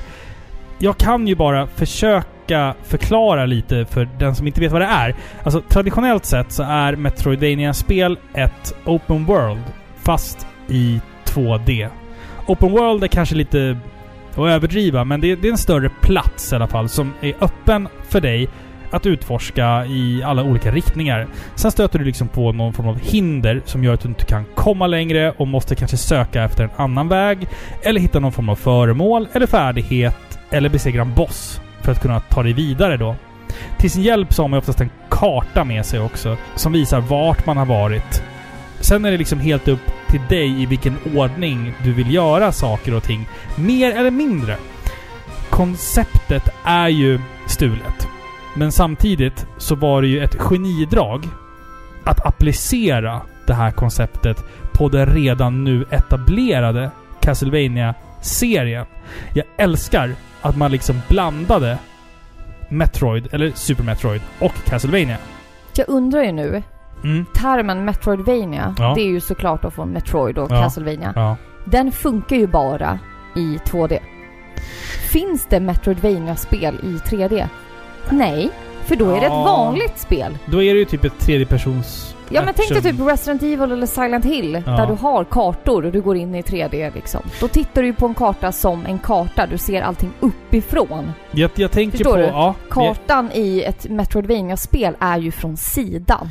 jag skulle säga så här. Det närmsta vi kan komma Metroidvania i 3D är nog typ Metroid Prime. För att Metroid var ju ändå... Men är kartan i 2D då? Nej, den Är är, ju i 3D. Liksom upp mot himlen och ner, ner mot jorden? ja, ja, så är det ju. Ja, det är så, är det ju, ja. absolut. För så är ju inte kartor i verkliga livet. Nej, nej, Nej. nej, nej, nej. det vet jag. Jag har orienterat. Du och jag har till och med orienterat tillsammans. Ja. I skogen. Shit vad du gjorde vad som helst för mig i början av vårt förhållande. Det var inte det jag ville komma till. det jag ville komma till att vi båda två gick totalt vilse. Nej, det gjorde vi inte alls Äh, det. Jag har- hade koll. Det hann ju bli mörkt. Ja men det var för att vi började klockan fem på eftermiddagen. Det var nästan så att jag kände lite oro. Ja, nej, jag har koll. Jag har koll. Ja. Ja. Du var snäll som ställde upp och hjälpte mig med min skoluppgift ja. I gymnasiet. Det var tider Jävla idiotgrej man gör för någon, för någon när, man, när man är nykär. Man bara Ja. "Ah, jag kan följa med ut och orientera. Ja, ja. Absolut. Det gör absolut. jag. Gladeligen istället för att sitta hemma och spela. Liksom. Det var tider då när man kunde få dig att göra vad man Det är snart tio år sedan. Ja. Otroligt alltså. ja, men Metroidvania då? Ja. Nej, men alltså utforskandet tycker jag är en key point i Metroidvania-spel. Symphony of the Night var ju det första Castlevania-spelet man försökte sig på det här konceptet. Även om alternativa vägar och banor hade förekommit tidigare i serien. Men här hade vi en helt annan typ av frihet. Det är ju liksom som Castlevania 2, Simons Quest. Fast ännu Mycket mer större. friare och större. Det är fullkomligt rimligt att påstå att Konami sneglade lite på spelserier som till exempel Metroid. När man började planera hur Symphony of the Night skulle fungera som spel. Absolut. Det, det tror jag definitivt. Ja. Alltså, och det här spelet skulle egentligen hetat Castlevania The Bloodletting. Det skulle ha släppts till Segas märkliga 32X. Och vara ännu mer av en sidohistoria till originalserien. Tur att de inte gjorde det. Ja, för det som hände efter det här spelet, det var ju att Castlevania Symphony of the Night blev så pass populärt att det numera är det som jag tror att folk tänker på när man säger Castlevania till folk. Jag tror att retrorävarna, Ja. när man frågar dem Castlevania, då tänker de Castlevania 2, Castlevania 3, Castlevania 1, Super Castlevania 4. Ja, jag. Frågar man de Jag här... tänker ja, så. men frågar man de här lite nyare, eller nyare är fel ord, men ehm, spelare, spelare som spelar liksom... Skulle du fråga Hiro i Gaminggrannar, då skulle han tänka på liksom Dawn of Sorrow och, och Orders of Ecclesia. Alltså Metroidvania Vi får spelen. fråga honom om det. Jo, Vad tänker Absolut. du på? Ja. vad tänker du på när du hör Castlevania, Andreas? Ja. För att det är ju, alltså det här genererade ju ett helt, en helt ny gren av spel som liksom tog över hela serien sen. Castlevania spelen som klassas som Metroidvania-spel är ju den delen som, av Castlevania-spelen som jag föredrar. Jag föredrar ju Portrait of Ruin, eh, Area of Sorrow, Symphony of the Night före Super Castlevania 4 och Vampires Kiss. Ja, men det kom ju många år senare också. Visst gjorde det, men Man alltså... måste ju ha det i åtanke. Castlevania Symphony of the Night hade inte kommit om vi inte hade Castlevania 1. Nej, kanske och inte. Kanske inte. klonkiga. Det här är ju en utveckling. Man måste ju uppskatta Det är varje det jag menar. spel. Det är, en, det är en utveckling och Ja. en dramatisk förändring Ja, av absolut. konceptet. Fast man ändå har kvar de här, man bibehåller de Temat är här karaktäristiska teman. Ja, Och det som gör Castlevania till Castlevania. det så här- Däremot kan man kritisera med gott samvete. Till exempel då spel som Castlevania 64 mm. som var liksom ganska high-tech för den ja det tiden. skulle ju vara bra liksom. men som Coolt. ändå misslyckades. Fullkomligt. Ja, Det här, jag känner ju att Castlevania Symphony of the Night var ju spelet som gjorde att spelserien faktiskt hittade hem. Absolut. An, anser jag. Och det är ett jävligt ja, men gick, bold statement att ja, säga. men gav lite attityd åt det här spelet som kanske annars då förknippades med ett kylskåp som Ja. går bara från sida till sida. Precis. Förstår du? Nu fick vi helt plötsligt en cool silverhårig eh, vampyr. Som kan röra sig snabbt och... ja, allt precis. det där, ja. Det, det fick lite liksom, eh, ja men lite attityd. Lite nytt blod Ja, fick du. tycker jag. Sen har vi det här med RPG-elementen också som faktiskt är en ganska stor del av spelet. För att man får ju färdighetspoäng, experience points, av att döda fiender. Och det är ju också någonting som är helt nytt för det här spelet. Så man levlar upp. Och man ökar i strength och luck och allt sånt där. Alla de här olika RPG-termerna. Man kan utrusta sig med en massa olika vapen, sköldar, rustningar. Och allt det här påverkar ju liksom dina stats och hur du fungerar i strid. Ja, alltså man kan säga så här. I början av spelet så träffar man ju döden. Mm. Och han tar alla dina färdigheter. Mm. Så man blir ganska så usel faktiskt. Men i takt då med att man utforskar slottet, man upptäcker hemliga rum, då får man ju de här uppgraderingarna som du pratar om. Mm. Mm. Och det är en ganska bra tillfredsställande känsla när man får de här uppgraderingarna och märker ganska tydligt att man blir bättre. Mm. Förstår du? Och det här Ja. går ju i linje med att det är ett Metroidvania också. Du vet, man kommer till ett förseglat rum. Man ser liksom att okej, det här kräver en förmåga jag inte har. Mm. Då måste Mm. man gå och leta, leta sig till ett annat rum för att ta sig igenom. Mm. Till exempel har vi ju de här, eh, man, man kan förvandla sig till en eh, fladdermus. Man kan förvandla sig till dimma, man kan bli en varg. Eh, och alla de här är bra på olika saker. Och jag säger, försök inte ta dig an en boss i vargform säger jag bara, för det kommer inte gå. Nej, det går inte. Den är bra på andra saker. Det där, det där är en jävligt intressant sak som jag har tänkt på. Som du sa, när vi kommer till slottet i början, då har vi Alucards grejer. Då har vi Alucard Shield, Alucard Helmet, Alucard Sword, Ja, allt det där. bara den här känslan när man får svischa förbi rummet och bara Ja. känna sig OP. Du dödar allt med ett slag Ja. i början. Sen så när du träffar eh, döden, då tar han din utrustning som, som ett, någon form av... Han säger så att ah, men om du ändå ska slåss mot din farsa, jag kan inte tillåta det. Jag kan inte stoppa dig, men jag kan ta din utrustning. Och så blir du jättesvag och inte har något vapen. Du får slåss med dina nävar tills du hittar ett svärd. Och sen så får du liksom jobba dig uppåt. Och ju längre in i djupare i slottet du kommer så hittar du bättre och bättre vapen. Men det känns som att de leker med Ja, exakt. Eller hur? Men det där gillar jag. Det är samma sak i Mega Man X. Att man kommer in på, på första banan. Man eh, tar sig an fienderna ganska lätt. Man kommer till bossen och blir tokägd. Sen kommer Zero. Och totalt mörsar sönder eh, bossen. Eh, bossen flyr med svansen mellan benen. Och lik så är det i det här spelet att när jag ser den scenen så blir det så här. Jag vill bli sådär stark. Ja men det är klart. Jag, Du jag, får ju en framtidsglimt av Ja. hur du kan bli. och det blir det gör ju att jag vill så här kämpa mig ännu djupare in i Castlevania Ja men det är en hitta... morot. Ja men det är en morot ja, precis. Så här stark kan du bli. Du kan bli sådär stark. Ja. Sådär stark som Zero där är. stark är du egentligen. Ja, Mm. men du måste bara hitta din fulla potential och den utrust, utrustningen som ja. krävs. Ja liksom. men det är sjukt Jag det. häftigt Jag tycker jag. det. Och jag gillar det att det blir ju lite som att Dracula bara leker med dig. Ja. Förstår du? Han hade ju bara kunnat ta av dig... Kläderna Kläder. och Nej! ställa dig naken. slåss med snorren. Nej! Nej, okej. Nej. Nu ska vi inte bli såna. Har vampyrer snoppar?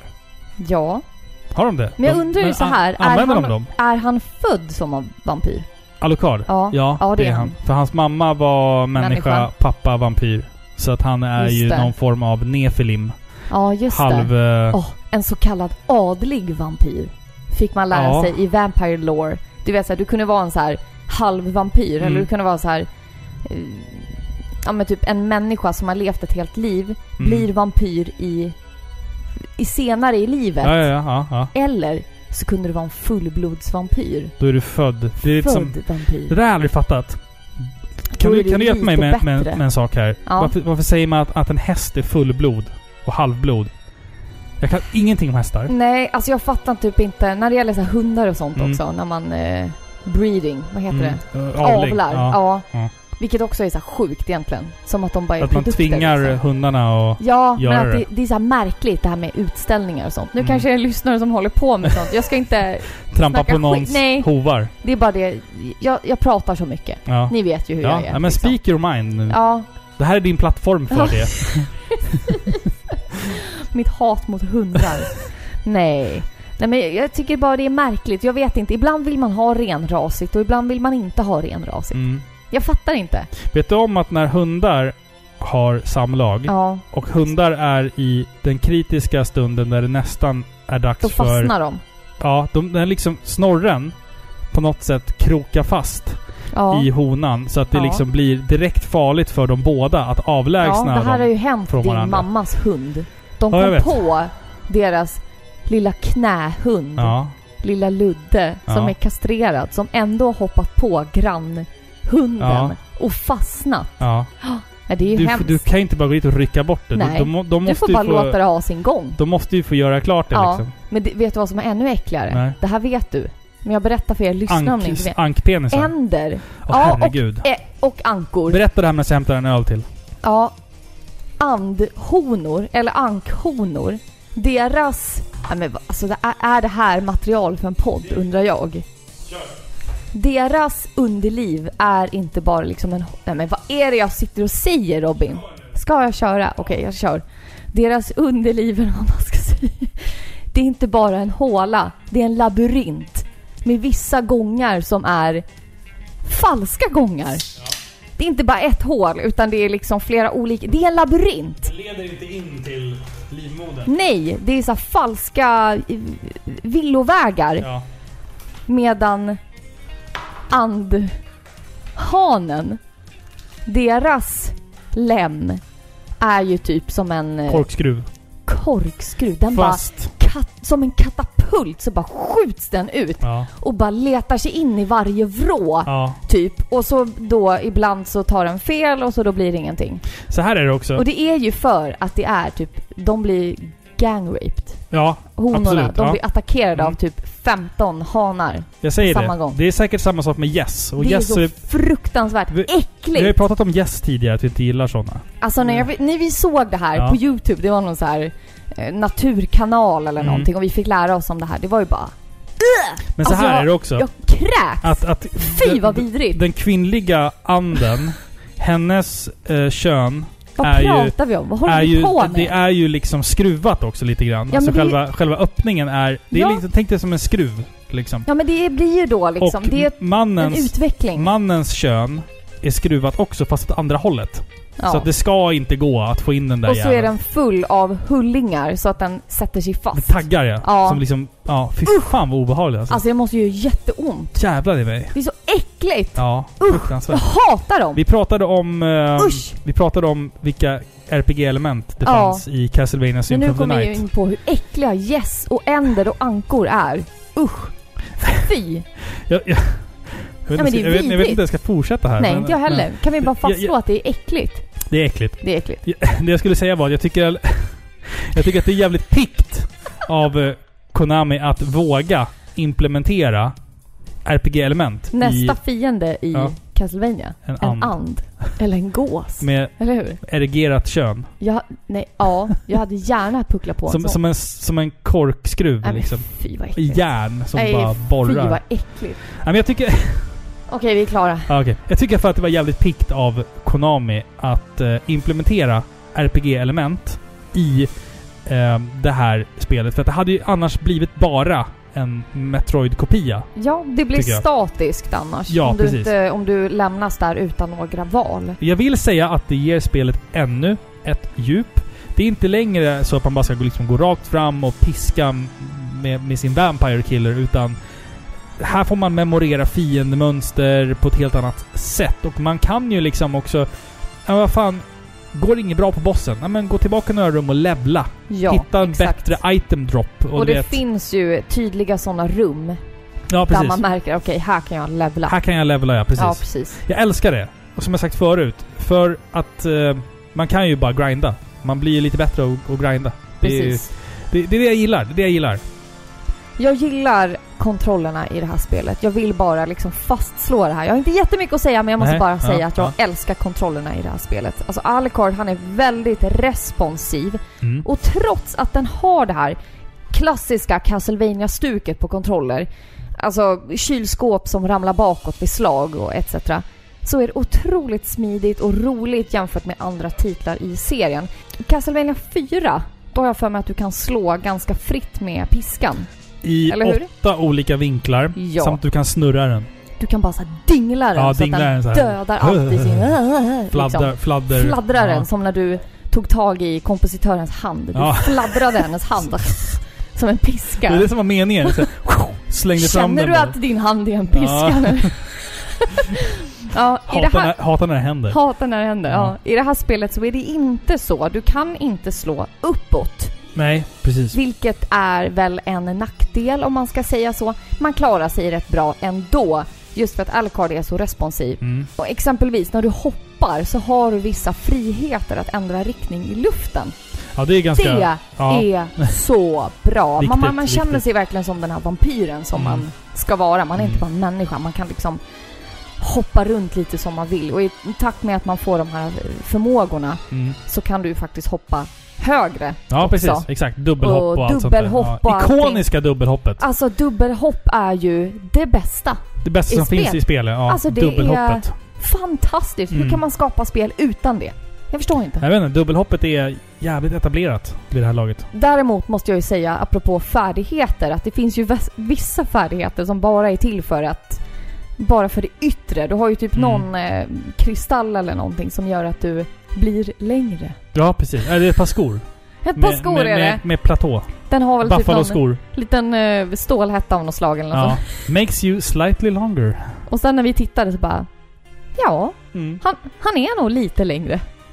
Många items och sånt där är ju skämtgrejer Ja. faktiskt. Eh, det är samma som det här med, med eh, det som jag skulle ta upp, som jag glömde tidigare här. Det, är det här med lack. Spelar tydligen väldigt stor roll. Om du har väldigt hög Alltså tur. lack, ja, lack i status, så kan du döda alltså bossar med det första svärdet. Alltså, det här är en hel vetenskap som jag inte orkar gå in på. Vetenskap. Varje vapen i det här spelet har ju en sekundär attack. Som jag tror inte att... Det, det är inte många som vet det där ute. Men varje vapen har två attacker. Eh, och dessa två attacker kan du då i kombination med din lack mer eller mindre one-shotta bossar på. På lack. Så att... Nej, inte på lack. Utan Nej. på LUCK. Eh, Ja. Lack. Tur. Mm. Det är en hel vetenskap. Om man googlar Castlevania Symphony of the Night Luck, då det, det, är en helt, det är en hel värld som öppnar sig. Jag visste inte om det här förrän vi spelade spelet nu och jag gjorde lite research på det här. Alltså det är en sån stor grej inom exempelvis speedrunning, det här med luck Helt i det här otroligt. spelet. Det, det är sånt, jag orkar inte ens gå in på det. Det, är sånt, alltså, det är ett Let's not. enormt medvetet skapat djup i det här spelet som du verkligen måste analysera och gräva dig ner i för att kunna förstå. För att jag visste inte ens om det här förrän nu. Ja, och det är faktiskt en negativ sak jag Jaha. faktiskt har att säga nu när du ändå tar upp det där med att Jaha. det finns så mycket Oförklarligt. oförklarliga saker som man kan faktiskt göra med Alucard utan att man vet om det. Mm, mm, Dels det där med hur statsen påverkar den. mm. För du har ju liksom vapnen där du ser hur bra de är på att attackera, hur mycket defense du får etc. Mm, mm. Du har även en mätare vid sidan om som inte riktigt förklaras. Förstår Nej, du? jag Det- håller med. Jag håller med. Ja. Det är lite otydligt sådär. Och då när du säger det här med att, jag menar att alla de här statsen påverkar på olika sätt. Mm. Man kanske hade behövt en lite mer förklaring. Och det blir uppenbart när man står där och slåss mot en fiende och helt plötsligt råkar du göra av slump Någonting. en magi. Ja. Vad, vad är det som hände? Jag dödade allt i hela rummet. Ja. Och min livmätare är typ nere på noll. Vad är det jag har gjort? Ja. Nej, men det, det är som jag säger, det finns ett oförklarligt stort mysterium kring det här Ja. som hardcore-fansen känner till som fan. Ja, absolut. Men som oss liksom lite mer casual spelare, alltså jag har spelat det kanske tio gånger. Men jag vill ändå inte påstå att jag liksom kan det här spelet utan till för det Nej, finns... du sitter ju inte och nötar nej, det varje finns- kväll. Det finns en sån enorm vetenskap ja. kring det här fighting-systemet, level-systemet, luck och strength-systemet. Så att Ja. jag orkar inte ens gå in på det. Det är så Alltså- mycket. Jag fattar att man kan säkert beräkna exakt hur många slag det behövs på en eh, fiende om du Mm. har just det här vapnet inlagt liksom och bla Ja. bla bla. Jag fattar det. Men magier, snälla någon. Man hade väl kunnat få någon tutorial på Det- hur det- man gör. Det finns nog någon meny där du kan läsa dig till hur man gör olika magier. Men det sen ska, så? du, sen ska du liksom lyckas att det är utföra någon det slags också. kombo. Ja, för grej. när, när jag har fått in magier så har det bara varit av ren slump. Ja, Ingenting jo annat. men det har ju varit det. Det har varit ett frustrerande ögonblick bara och så har det blivit någonting bara. Vad heter det här? Är det Castlevania på Playstation 2? Där typ hela spelet är uppbyggt i komboattacker. Är det Lament of Innocence du Ja. tänker på? Ja. Det gillar jag inte. Nej, men det är samma sak med eh, Lords of Shadow är också ganska combo-heavy. Ja, men där är ju ganska... Alltså det är ändå ett PS, PS3-spel. Ja, det är, underskattade spel. ja, Båda faktiskt. två, jag verkligen. gillade de ja, spelen faktiskt. Jag gillar dem jättemycket. där är det ändå lite mer tydligt hur man gör dem. Mm. Alltså det behöver Mm. inte vara en 17-siffrig kod för att du ska liksom manövrera det. Mm. Det går bort från det hack and slash då liksom, som det är egentligen ämnat att vara. Får jag komma med någonting negativt också? Ja. Jag tycker att menyerna i det här spelet är väldigt klumpiga. Alltså när du måste använda en potion, då måste du gå, Ja. in, då måste du gå in på menyn, unequippa ditt vapen, equippa en potion, gå tillbaka till spelet, trycka på slagknappen för att använda en potion och sen gå tillbaka in i menyn, unequippa potionen och sen lägga in ditt vapen igen. Det bästa är ju typ så här om du lägger bort ditt vapen och lägger in en liksom roasted chicken. Ja, Och så bara mitt under fighten så bara behöver du slänga fram en kyckling, grillad Ja. kyckling och springa på den. Ja, Ja. jag vet. ja det är lite... det är väldigt mm, klumpigt. De ja, hade bara kunnat använda en, en använd eller en use-grej Ja, liksom. Men om jag får kontra sen då med någonting bra. Det finns ju ett enormt stort återspelningsvärde i det här spelet.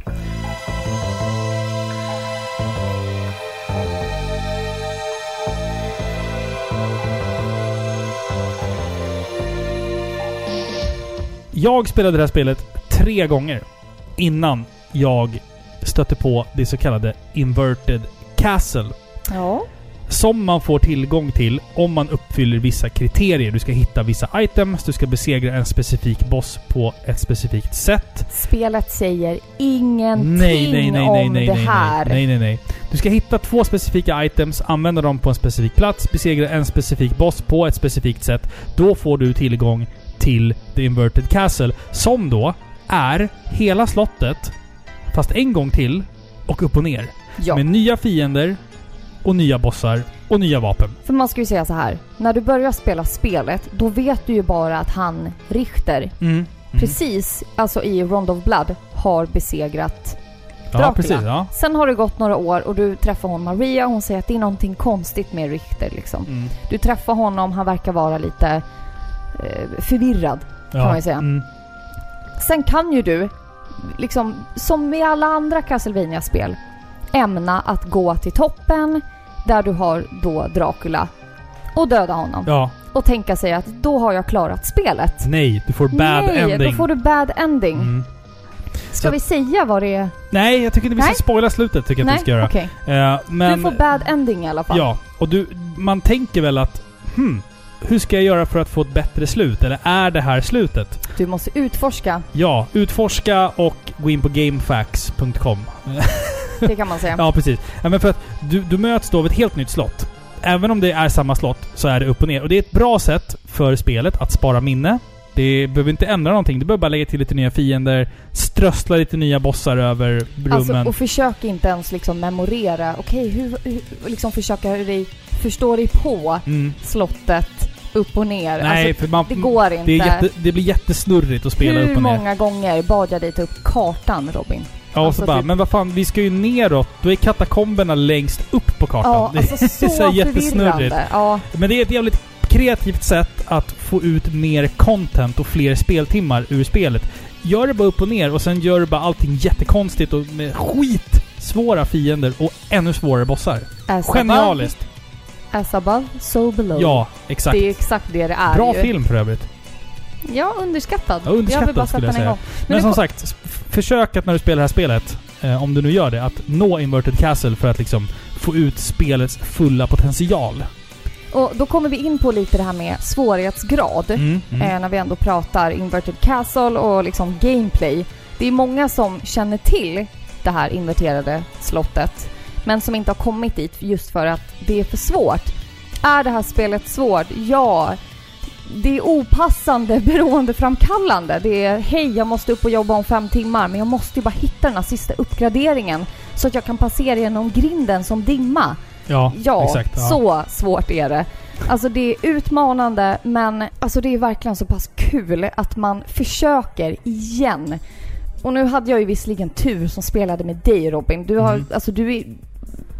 Du älskar ju inte bara det här spelet. Du har ju spelat det här förut och du är faktiskt väldigt duktig på det. Tack! Du är väldigt duktig på det. Men du Tack. spelade ju inte Ja. bara spelet. Nej, jag har ju nej, spelat nej. också. Ja, ja, jag vill bara Mm. clarify. Jag har inte bara backseatat utan jag har spelat också. Mm. Men alltså, ap- apropå den här svårighetskurvan. Du börjar spelet som den starka Alucard, som vi sa. Du har dina egen, din egen equipment och allting. Sen kommer döden och du blir av med din equipment. Då, då blir det svårt. Då blir det svårt. Sen är det liksom en uppförsbacke. Och om du lyckas hitta lite hemliga vapen, hemliga rustningar. Eh, då Du blir spelet... levlar. Då, precis, du levlar, då blir spelet lättare och lättare och lättare och lättare. Om du liksom verkligen tar dig tid att utforska. Och letar efter bra skit. Bra loot, bra drops, bra hem, alltså bra hem, alltså hitta hemliga rum och hitta bra equipment och skit. Då känner man sig OP. Och sen, Sen- kan du ju gå upp Ja. och klara spelet. Piska på äh, Dracula hur lätt som helst. Och tro liksom att that's it. Men sen, om du väljer att besöka Inverted Castle, då börjar kurvan om igen. För att då är du mer eller mindre värdelös en gång till och måste Ja. hitta ännu starkare vapen och ännu starkare sköldar och rustningar. Så att jag gillar den kurvan. Fast jag tror också att den kan få många spelare att stänga av spelet. För att det blir i början av spelet väldigt svårt väldigt snabbt. Ja. Jag tycker att det blir svårt. Alltså om du går in utan någon kunskap alls om det här Mm. inverterade Mm. slottet och du bara kör liksom eh, det vanliga. Då är du Ja. ganska OP. Men så fort du kommer in på den här eh, hemliga vägen där du hittar nycklarna till... Jag Ja. säger nycklar, men vi vet båda vad det är Ja. för någonting. Key items. För att låsa upp då inverterade slottet. Mm. Då blir det jättesvårt redan innan du har öppnat det, om Ja. man säger så. Då blir det väldigt, väldigt svårt och du bara, vad är det som händer? Mm. Liksom när du är nere, längst, längst, längst ner i det djupaste. Då är det väldigt svårt. Ja, det håller jag med. Väldigt, Det jag väldigt med svårt. Mm. Och då börjar man ju fatta ju- så här, okej vadå? Vad, vad är det här för föremål? Ska jag använda Det det, måste på vara viktigt. bossen eller är det någonting annat? Och Mm. det är det ju. Ja. Mm. Nej, men så att kurvan är ju ständigt stigande fast det blir lättare och sen så blir det svårare igen. Jag gillar det.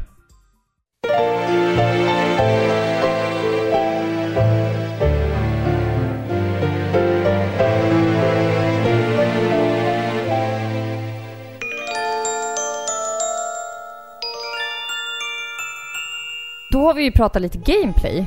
Ja. Vad tycker vi om handlingen? Vad, och, vad tycker du om handlingen? och karaktärerna? Vad tycker jag om karaktärerna? Ja, Alltså jag älskar ju Alucard. ja han är cool. Jag tycker att han är jättecool. Jag, jag älskar historien om en vampyr som byter sida. Mm. Han är ond, men han slåss ändå för det goda. Förstår Mm. du? Ja. Han gör uppror mot sin egen far liksom. Det är rebelliskt, det är modigt. Han är kaxig Mm. liksom. Det gillar jag jättemycket. Sen har vi den här karaktären Maria. Ja. Hon är med i andra spel. Ja, hon är med i Round of Blood också. Just det. Du ska rädda henne. Ja, jag, of jag har inte spelat det spelet, men jag kan tänka mig... Alltså, hon verkar ju ha en väldigt nära relation till Richter. Ja, det är Richters eh, flickvän. Det är så Ja, pass. Ja, ja. Så man förstår ju att hon är där för att rädda honom. Mm. Eh, jag tror att jag hade haft lite mer känslor gentemot henne. Mm. Tyckt mer om henne om jag hade spelat det spelet. Så att jag redan hade etablerat vem hon är liksom. Mm. Nu är hon bara en Link-liknande karaktär. För hon har typ gul, eller gröna kläder med en gul mössa ser det ut som. Fast det kanske är hennes hår, jag vet inte. Ja, det är. Ja, Ni, ni, ni hör mig inte säga det här allt för ofta. nej. Men handlingen i det här spelet är för mig 100% sekundär. 100% sekundär. Alltså jag måste jag, hålla bryr, med. jag, jag bryr mig inte ett skit. Jag måste hålla med. Jag tycker att historien är lite krånglig. Ja men det är så här, det, det är ointressant. det är För ointressant att för mig ja. så handlar det här spelet om utforska, hitta bra vapen, spöa på bossarna. Eh, jag, bryr mig inte, jag bryr mig inte alls om Nej, handlingen, jag faktiskt. hade nästan inte gillat mer, men jag hade... Jag går in med intentionen att jag ska liksom döda Dracula, men Ja. istället så blir det ett rescue mission av Richter. Ja, typ. Förstår typ, du? Ja. Det kan bli det, liksom. Eh, så nej, handlingen är inte den bästa. Så det är väl det negativa om man säger så. Kvällens sista pappaskämt. Är det sant? Är du beredd? I'm ready. Vart köper man sin handprotes? Sin? Ja. Om du blir av med handen, vart ska du gå för att köpa en handprotes? Second hand.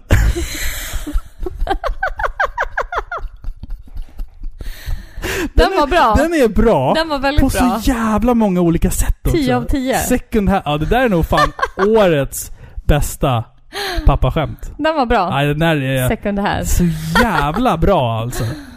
Ja. 10 av 10. Gud. 10 av 10, den var bra.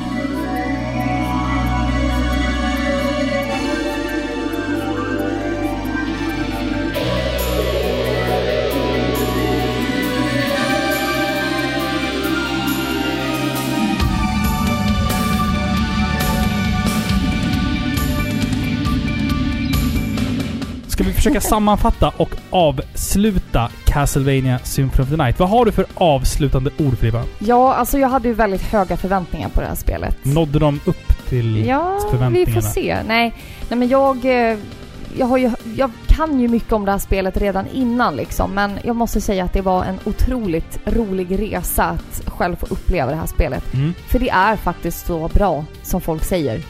Jag tycker, jag, jag kan säga ärligt att det här är det bästa Castlevaniat.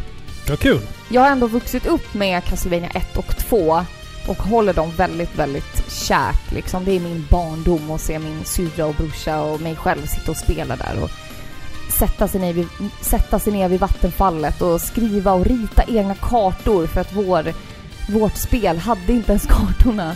Alltså sådana saker, det är liksom håller jag kärt. Det är barndomsminnen. Man fick väl inte ens några kartor till Simons Quest? Du var ju tvungen att liksom Vi hade de här mindre... jättetjocka fodralen. De här Ja. lite större. Ja, Och då skulle det vara... Ja, Ja. och de ska ha en karta med. Men vår hade Jaha, inte det. Ja, Så vi var tvungna att rita egna. det är kreativt. Det är jag, Jag, kreativt. jag gillar sånt. Alltså det här är ju pre Ja. Men jag, Liksom, gillar, men jag gillar sånt. internetsidor där du Ja. kunde googla dig fram saker. Sånt är fint. När man Ja. hittar sina egna gamla en handskrivna egen kartor. resa liksom. Jag älskar de spelen. Jag tycker de är fantastiska. Jag älskar musiken. Men det här spelet liksom gjorde de spelen fast så mycket bättre. Mm. De har alla de elementen jag tycker om. Mm. Eh, plus det faktum att Alucard är en otroligt cool badass. Eh, som är otroligt responsiv. Jag tycker kontrollerna gör väldigt mycket. Att du inte känner dig som ett klonkigt kylskåp. utan Nej, du, precis. du är ganska Mm. fri i dina rörelser och man känner att man har kontroll över honom. Mm. Det är väldigt viktigt. Alltså en sån sak som kontroller kan verkligen stjälpa ett spel. Eh, men jag tycker att det var, det funkade skitbra. Handlingen, sekundär. Musiken, miljöerna, stämningen, röstskådespelet. Alltså det är underbart. Jag tycker allt med det här spelet är fantastiskt och Mm. det bästa Castlevania faktiskt. Vad kul. Ja, Mina avslutande ord är ju... Alltså om man tänker på ordet symfoni. Alltså Symphony of the Night. En symfoni är ju... Det kommer ju från grekiskans symfonia. Och betyder... Robin. Ja. Vadå? Ja, men du är så fin Ja. när du broderar ut så här. Men lyssna nu. Symfonia, eller symfonia, betyder samspel och harmoni av ljud. Målet är alltså att med olika ljud och toner försöka uppnå ett samspel. Och man kan dra den referensen till det här spelet, för här tog man det etablerade castlevania konceptet Man lade till spelkoncept och element som till exempel utforskande, man lade till lite RPG-grejer och lyckades sammanfläta detta till ett enda koncept och ett enda spel. Likt en musikalisk symfoni. Poetisk. Tack. Så att allting samspelar perfekt i det här spelet. Alla olika typer av element man försökte fläta ihop. Det är en perfekt harmoni. Det är en perfekt symfoni. Jag tycker det är modigt av Konami att våga satsa på ett 2D-spel när de här tidiga fula 3D-spelen tog över marknaden totalt. Det är en bild av Konami under sin storhetstid. Idag gör de bara pachinko-maskiner. Här lös de som gudar. Ja. Alltså. Här kunde de Absolut. sitt skit. ja, jag håller med. De tog en risk De tog en sån enorm risk. Och klarade det. Ja. Ja. Och vad har vi idag? Pachinko-maskiner. ja. Man ska sluta när man är på topp. Jag blir deprimerad alltså. Nej men ett fantastiskt spel. Verkligen. Spelare. Ja, verkligen. Verkligen. Spela Castlevania Symphony of the Night. Det är 10 av 10.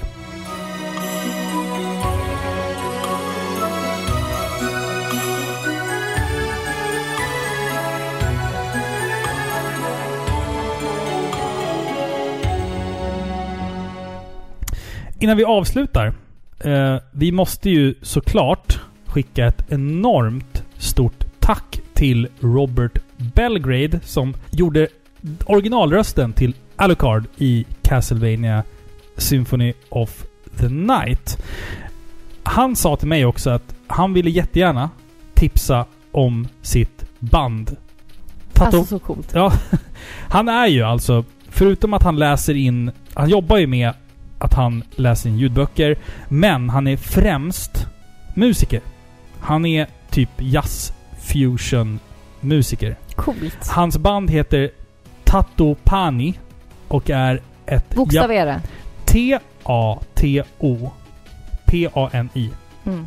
Och det här är alltså ett fusion jazz typ Coolt. band. Mm. Eh, och han är ju liksom en, en ehm, högt utbildad musiker. Skolad musiker. Arbetar som musiklärare. Eh, spelar i band. Han, är, eh, han läser in ljudböcker som jag sa. Han, han, är ju, han jobbar ju med sin, sin musik och sin röst. Eh, och är bosatt i Japan. Så att, eh, Jaha. ett stort tack till Robert för att Ja, han, för att han ställde upp eh, på det här. Det är så fint när såna här människor som de har gjort, de har bidragit så mycket till spelvärlden Mm, och mm. gjort en sån enorm, eh, ett enormt intryck på alla Mm, oss mm. spelare. Eh, mer än vad de själva kanske förstår. Ja. Och att de ändå vill, som han då Robert, Mm. att han vill Ställa, ställa, upp, upp. för en svensk podcast. Ja, Liksom. ja men det, det är jättefint Ja. verkligen. Vi är jättetacksamma. Han hälsar också att deras eh, skivsläpp, eh, som skulle ha varit i april, blev inställt och är planerat den 7 i nionde år 2020. Så vänta det blir, det blir tvärtom här. Så det blir den nionde i sjunde blir det väl. För de skriver väl månader och dagar. Ja, just det. Eh, så att den, den kommer alltså... Soon. Den nionde i sjunde. Och då, för att skivan är försenad, så har de skrivit och spelat in en bonuslåt som heter Hard E Funk. Som ett förlåt då för att skivan är försenad på grund av coronaskit och allting. Och att den här låten är ju också då en tribute till Tatopanis fantastiska trummis. Så att vi ska avsluta det här avsnittet med att lyssna på Hard E Funk. Där Robert Belgrade är en del av bandet. Vi ska avsluta med den låten. Ehm, Vad spännande. Ja, så vi får höra lite av hans musik och få en bild av vem Alucard är idag. Han, han är jazzmusiker. Det är lite som Lestat i Anne Rice böcker. Ja. böcker. Han, Ja. han gick och blev en, eh, blev en rockstjärna istället. Ja, exakt, exakt. och, och, och Alucard här, han blev eh, jazzmusiker. Ja men det är värdigt. Så att, det gillar jag. Ni får fan sätta er och googla på Tatopani Ja men det tycker nu, jag. tycker jag. Men Vad innan vi roligt. avslutar Filippa. Eh, vi måste ju då först och främst återigen tacka för alla fina kommentarer vi fick på Facebook och Instagram angående Castlevania Symphony of the Night. Vi hinner ju oftast inte läsa upp kommentarer nu för tiden. men vi läser dem. Vi läser dem och de här kommentarerna som ni skriver får ju oss att tänka lite och reflektera över spelet. De på, blir en del av avsnittet. och era tankar integreras ju lite i avsnittet också. Tycker jag. Absolut. Så att det är jätteviktigt att ni fortsätter att kommentera avsnitten och, och gillar dem och delar dem och skit för att det, det betyder jättemycket för oss. Och vi får väl någon form av jävla bekräftelse på att ni lyssnar på Parpixlar också. Ja, det låter och- konstigt men Nej, det är så det men, funkar liksom. ja, och vi vill ju veta vad ni tycker om avsnittet. Ja, det också, såklart, ja. Det är jätteviktigt. Ja. Om ni tycker att vi sög i det här avsnittet eller inte. Vi vill veta det, Ja. såklart. Skriv gärna till oss på Facebook, Instagram eller mejla oss på paripixlar. Vi har en Patreon också och där kan du för 3 dollar i månaden gå in och stötta podden. Ja. Du får ingenting tillbaka förutom att vi läser upp ditt namn. Vilken entusiasm du sa det med också. Du får ingenting tillbaka. Jag kan säga så här också. Att jag har glömt att kolla om vi har fått några Patreons till det här avsnittet. Okej. Så att om, om vi har fått några nya Patreons, hej, välkomna. Jag läser upp ert namn i nästa avsnitt. Ja. Tyvärr. Jag, jag, jag, jag har haft så mycket i huvudet på den senaste tiden. Så jag har inte hunnit okej. kolla. Men vi är i alla fall tacksamma för Ja. alla er patrons som stöttar oss. Ja, gud ja. Och de här pengarna går ju till att vi ska köpa ny utrustning. Så att så fort coronaskiten är över så vill vi ha lite gäster här Ja, i podden. precis. Utan att man sitter över något jävla tråkigt Skype. Vi eller... kör inte Skype. Nej, ingen Eller Skype Zoom. eller Zoom, ingenting. Vi vill ha människor här som ska sitta vid våran studio och prata med oss. Dricka bärs. Dricka öl och titta varandra Eller i vatten. ögonen. Ja men titta varandra i ögonen. Liksom det, det, det, det, är ett levande samtal. Kommer du ihåg det att vi ofta pratar om en, om en person var en bärs eller vattenperson? Ja, precis. Ja. Ja. Det är viktigt. Ja, det är viktigt. Ja. Att vi, när vi ska analysera människorna som Ja. kommer hit såklart. Vi har ju också, som vi sa tidigare i avsnittet, en Discord. Den hittar du på... Eh, om du går in på paripixlar.se eller på vår Facebook eller så, så hittar du den. Bli en del av pixelplutonen. Ja, Pixelplutonen är ju det vi kallar den. Eh, där finns ju de finaste människorna i Sverige. Tycker du att du platsar in där, så anslut dig gärna. För att det är... Vi har så jävla kul och jag önskar att jag kunde sitta i den här Discord-gruppen hela dagen och Ja. snacka. För att det är så mycket fina människor där som, som är bara otroligt sköna eh, människor. Det är mycket snack om flamingofåglar och, och ölbryggerier och Och bara, vad ska ni Ja. göra idag? semesterplaner och allt möjligt skit. Det finns, Mm. det finns så mycket att upptäcka. Och det är kärlek i luften. Det är god ton Ja, där. det är det väldigt, verkligen. väldigt god ton där, måste jag säga. Ja, det är det. I nästa avsnitt Filippa, Ja, det är dags för ett blandband. ja det är det. För vi, har, faktiskt spelat, lite mycket, spel. mycket spel nu. Eller hur? För en gångs skull. Vad har du spelat för något spel till nästa avsnitt? Ja, lite Animal Crossing Ja. tänkte jag prata lite, bland Ja. annat. Till Switch. Mm. Ja. Mm. Jag har spelat Man Eater Mm. eh, till Playstation 4, men också fan... Ja, Last of Us 2. Ja, jag, Hallå? jag har spelat Last of Us 2. Ja, Eh, vi har mycket att säga om det. Ah, gud. Mm. Ja, jag har verkligen försökt samla mina tankar kring det spelet. Ehm, vi får prata eh, hyfsat spoilerfritt också såklart. Vi vill inte att någon ska... Att någons upplevelse ska bli förstörd av vårat jävla pladder. Som vi alltid håller på med här. Nej. Vi förstör tillräckligt. Vi gör ju det. Alltså vad var utläggningen om Ender? Ska vi klippa bort det eller ska vi ha det kvar? inte. Vi får se. Ja. Vi får se hur jag mår imorgon. Hur? Hörni, tack som fan för att ni har lyssnat på avsnitt 136, tror jag. Av ja, eh. Sveriges mest kärleksfulla tv-spelspodcast Paripixlar. Eh, som är tillbaka ganska snart hoppas vi. Det hoppas vi. Det tog för Tack. lång tid att få ut avsnittet. Tog Ja, för blir tid. så. Ja, vi skyller på det- ungarna. Skyller på värmen, ungarna och livet. Brist på semester. Ja. Snart. Snart är det dags. Ja, äntligen. Tack snälla för att ni har lyssnat. Puss på er. Puss! Hej! Hej.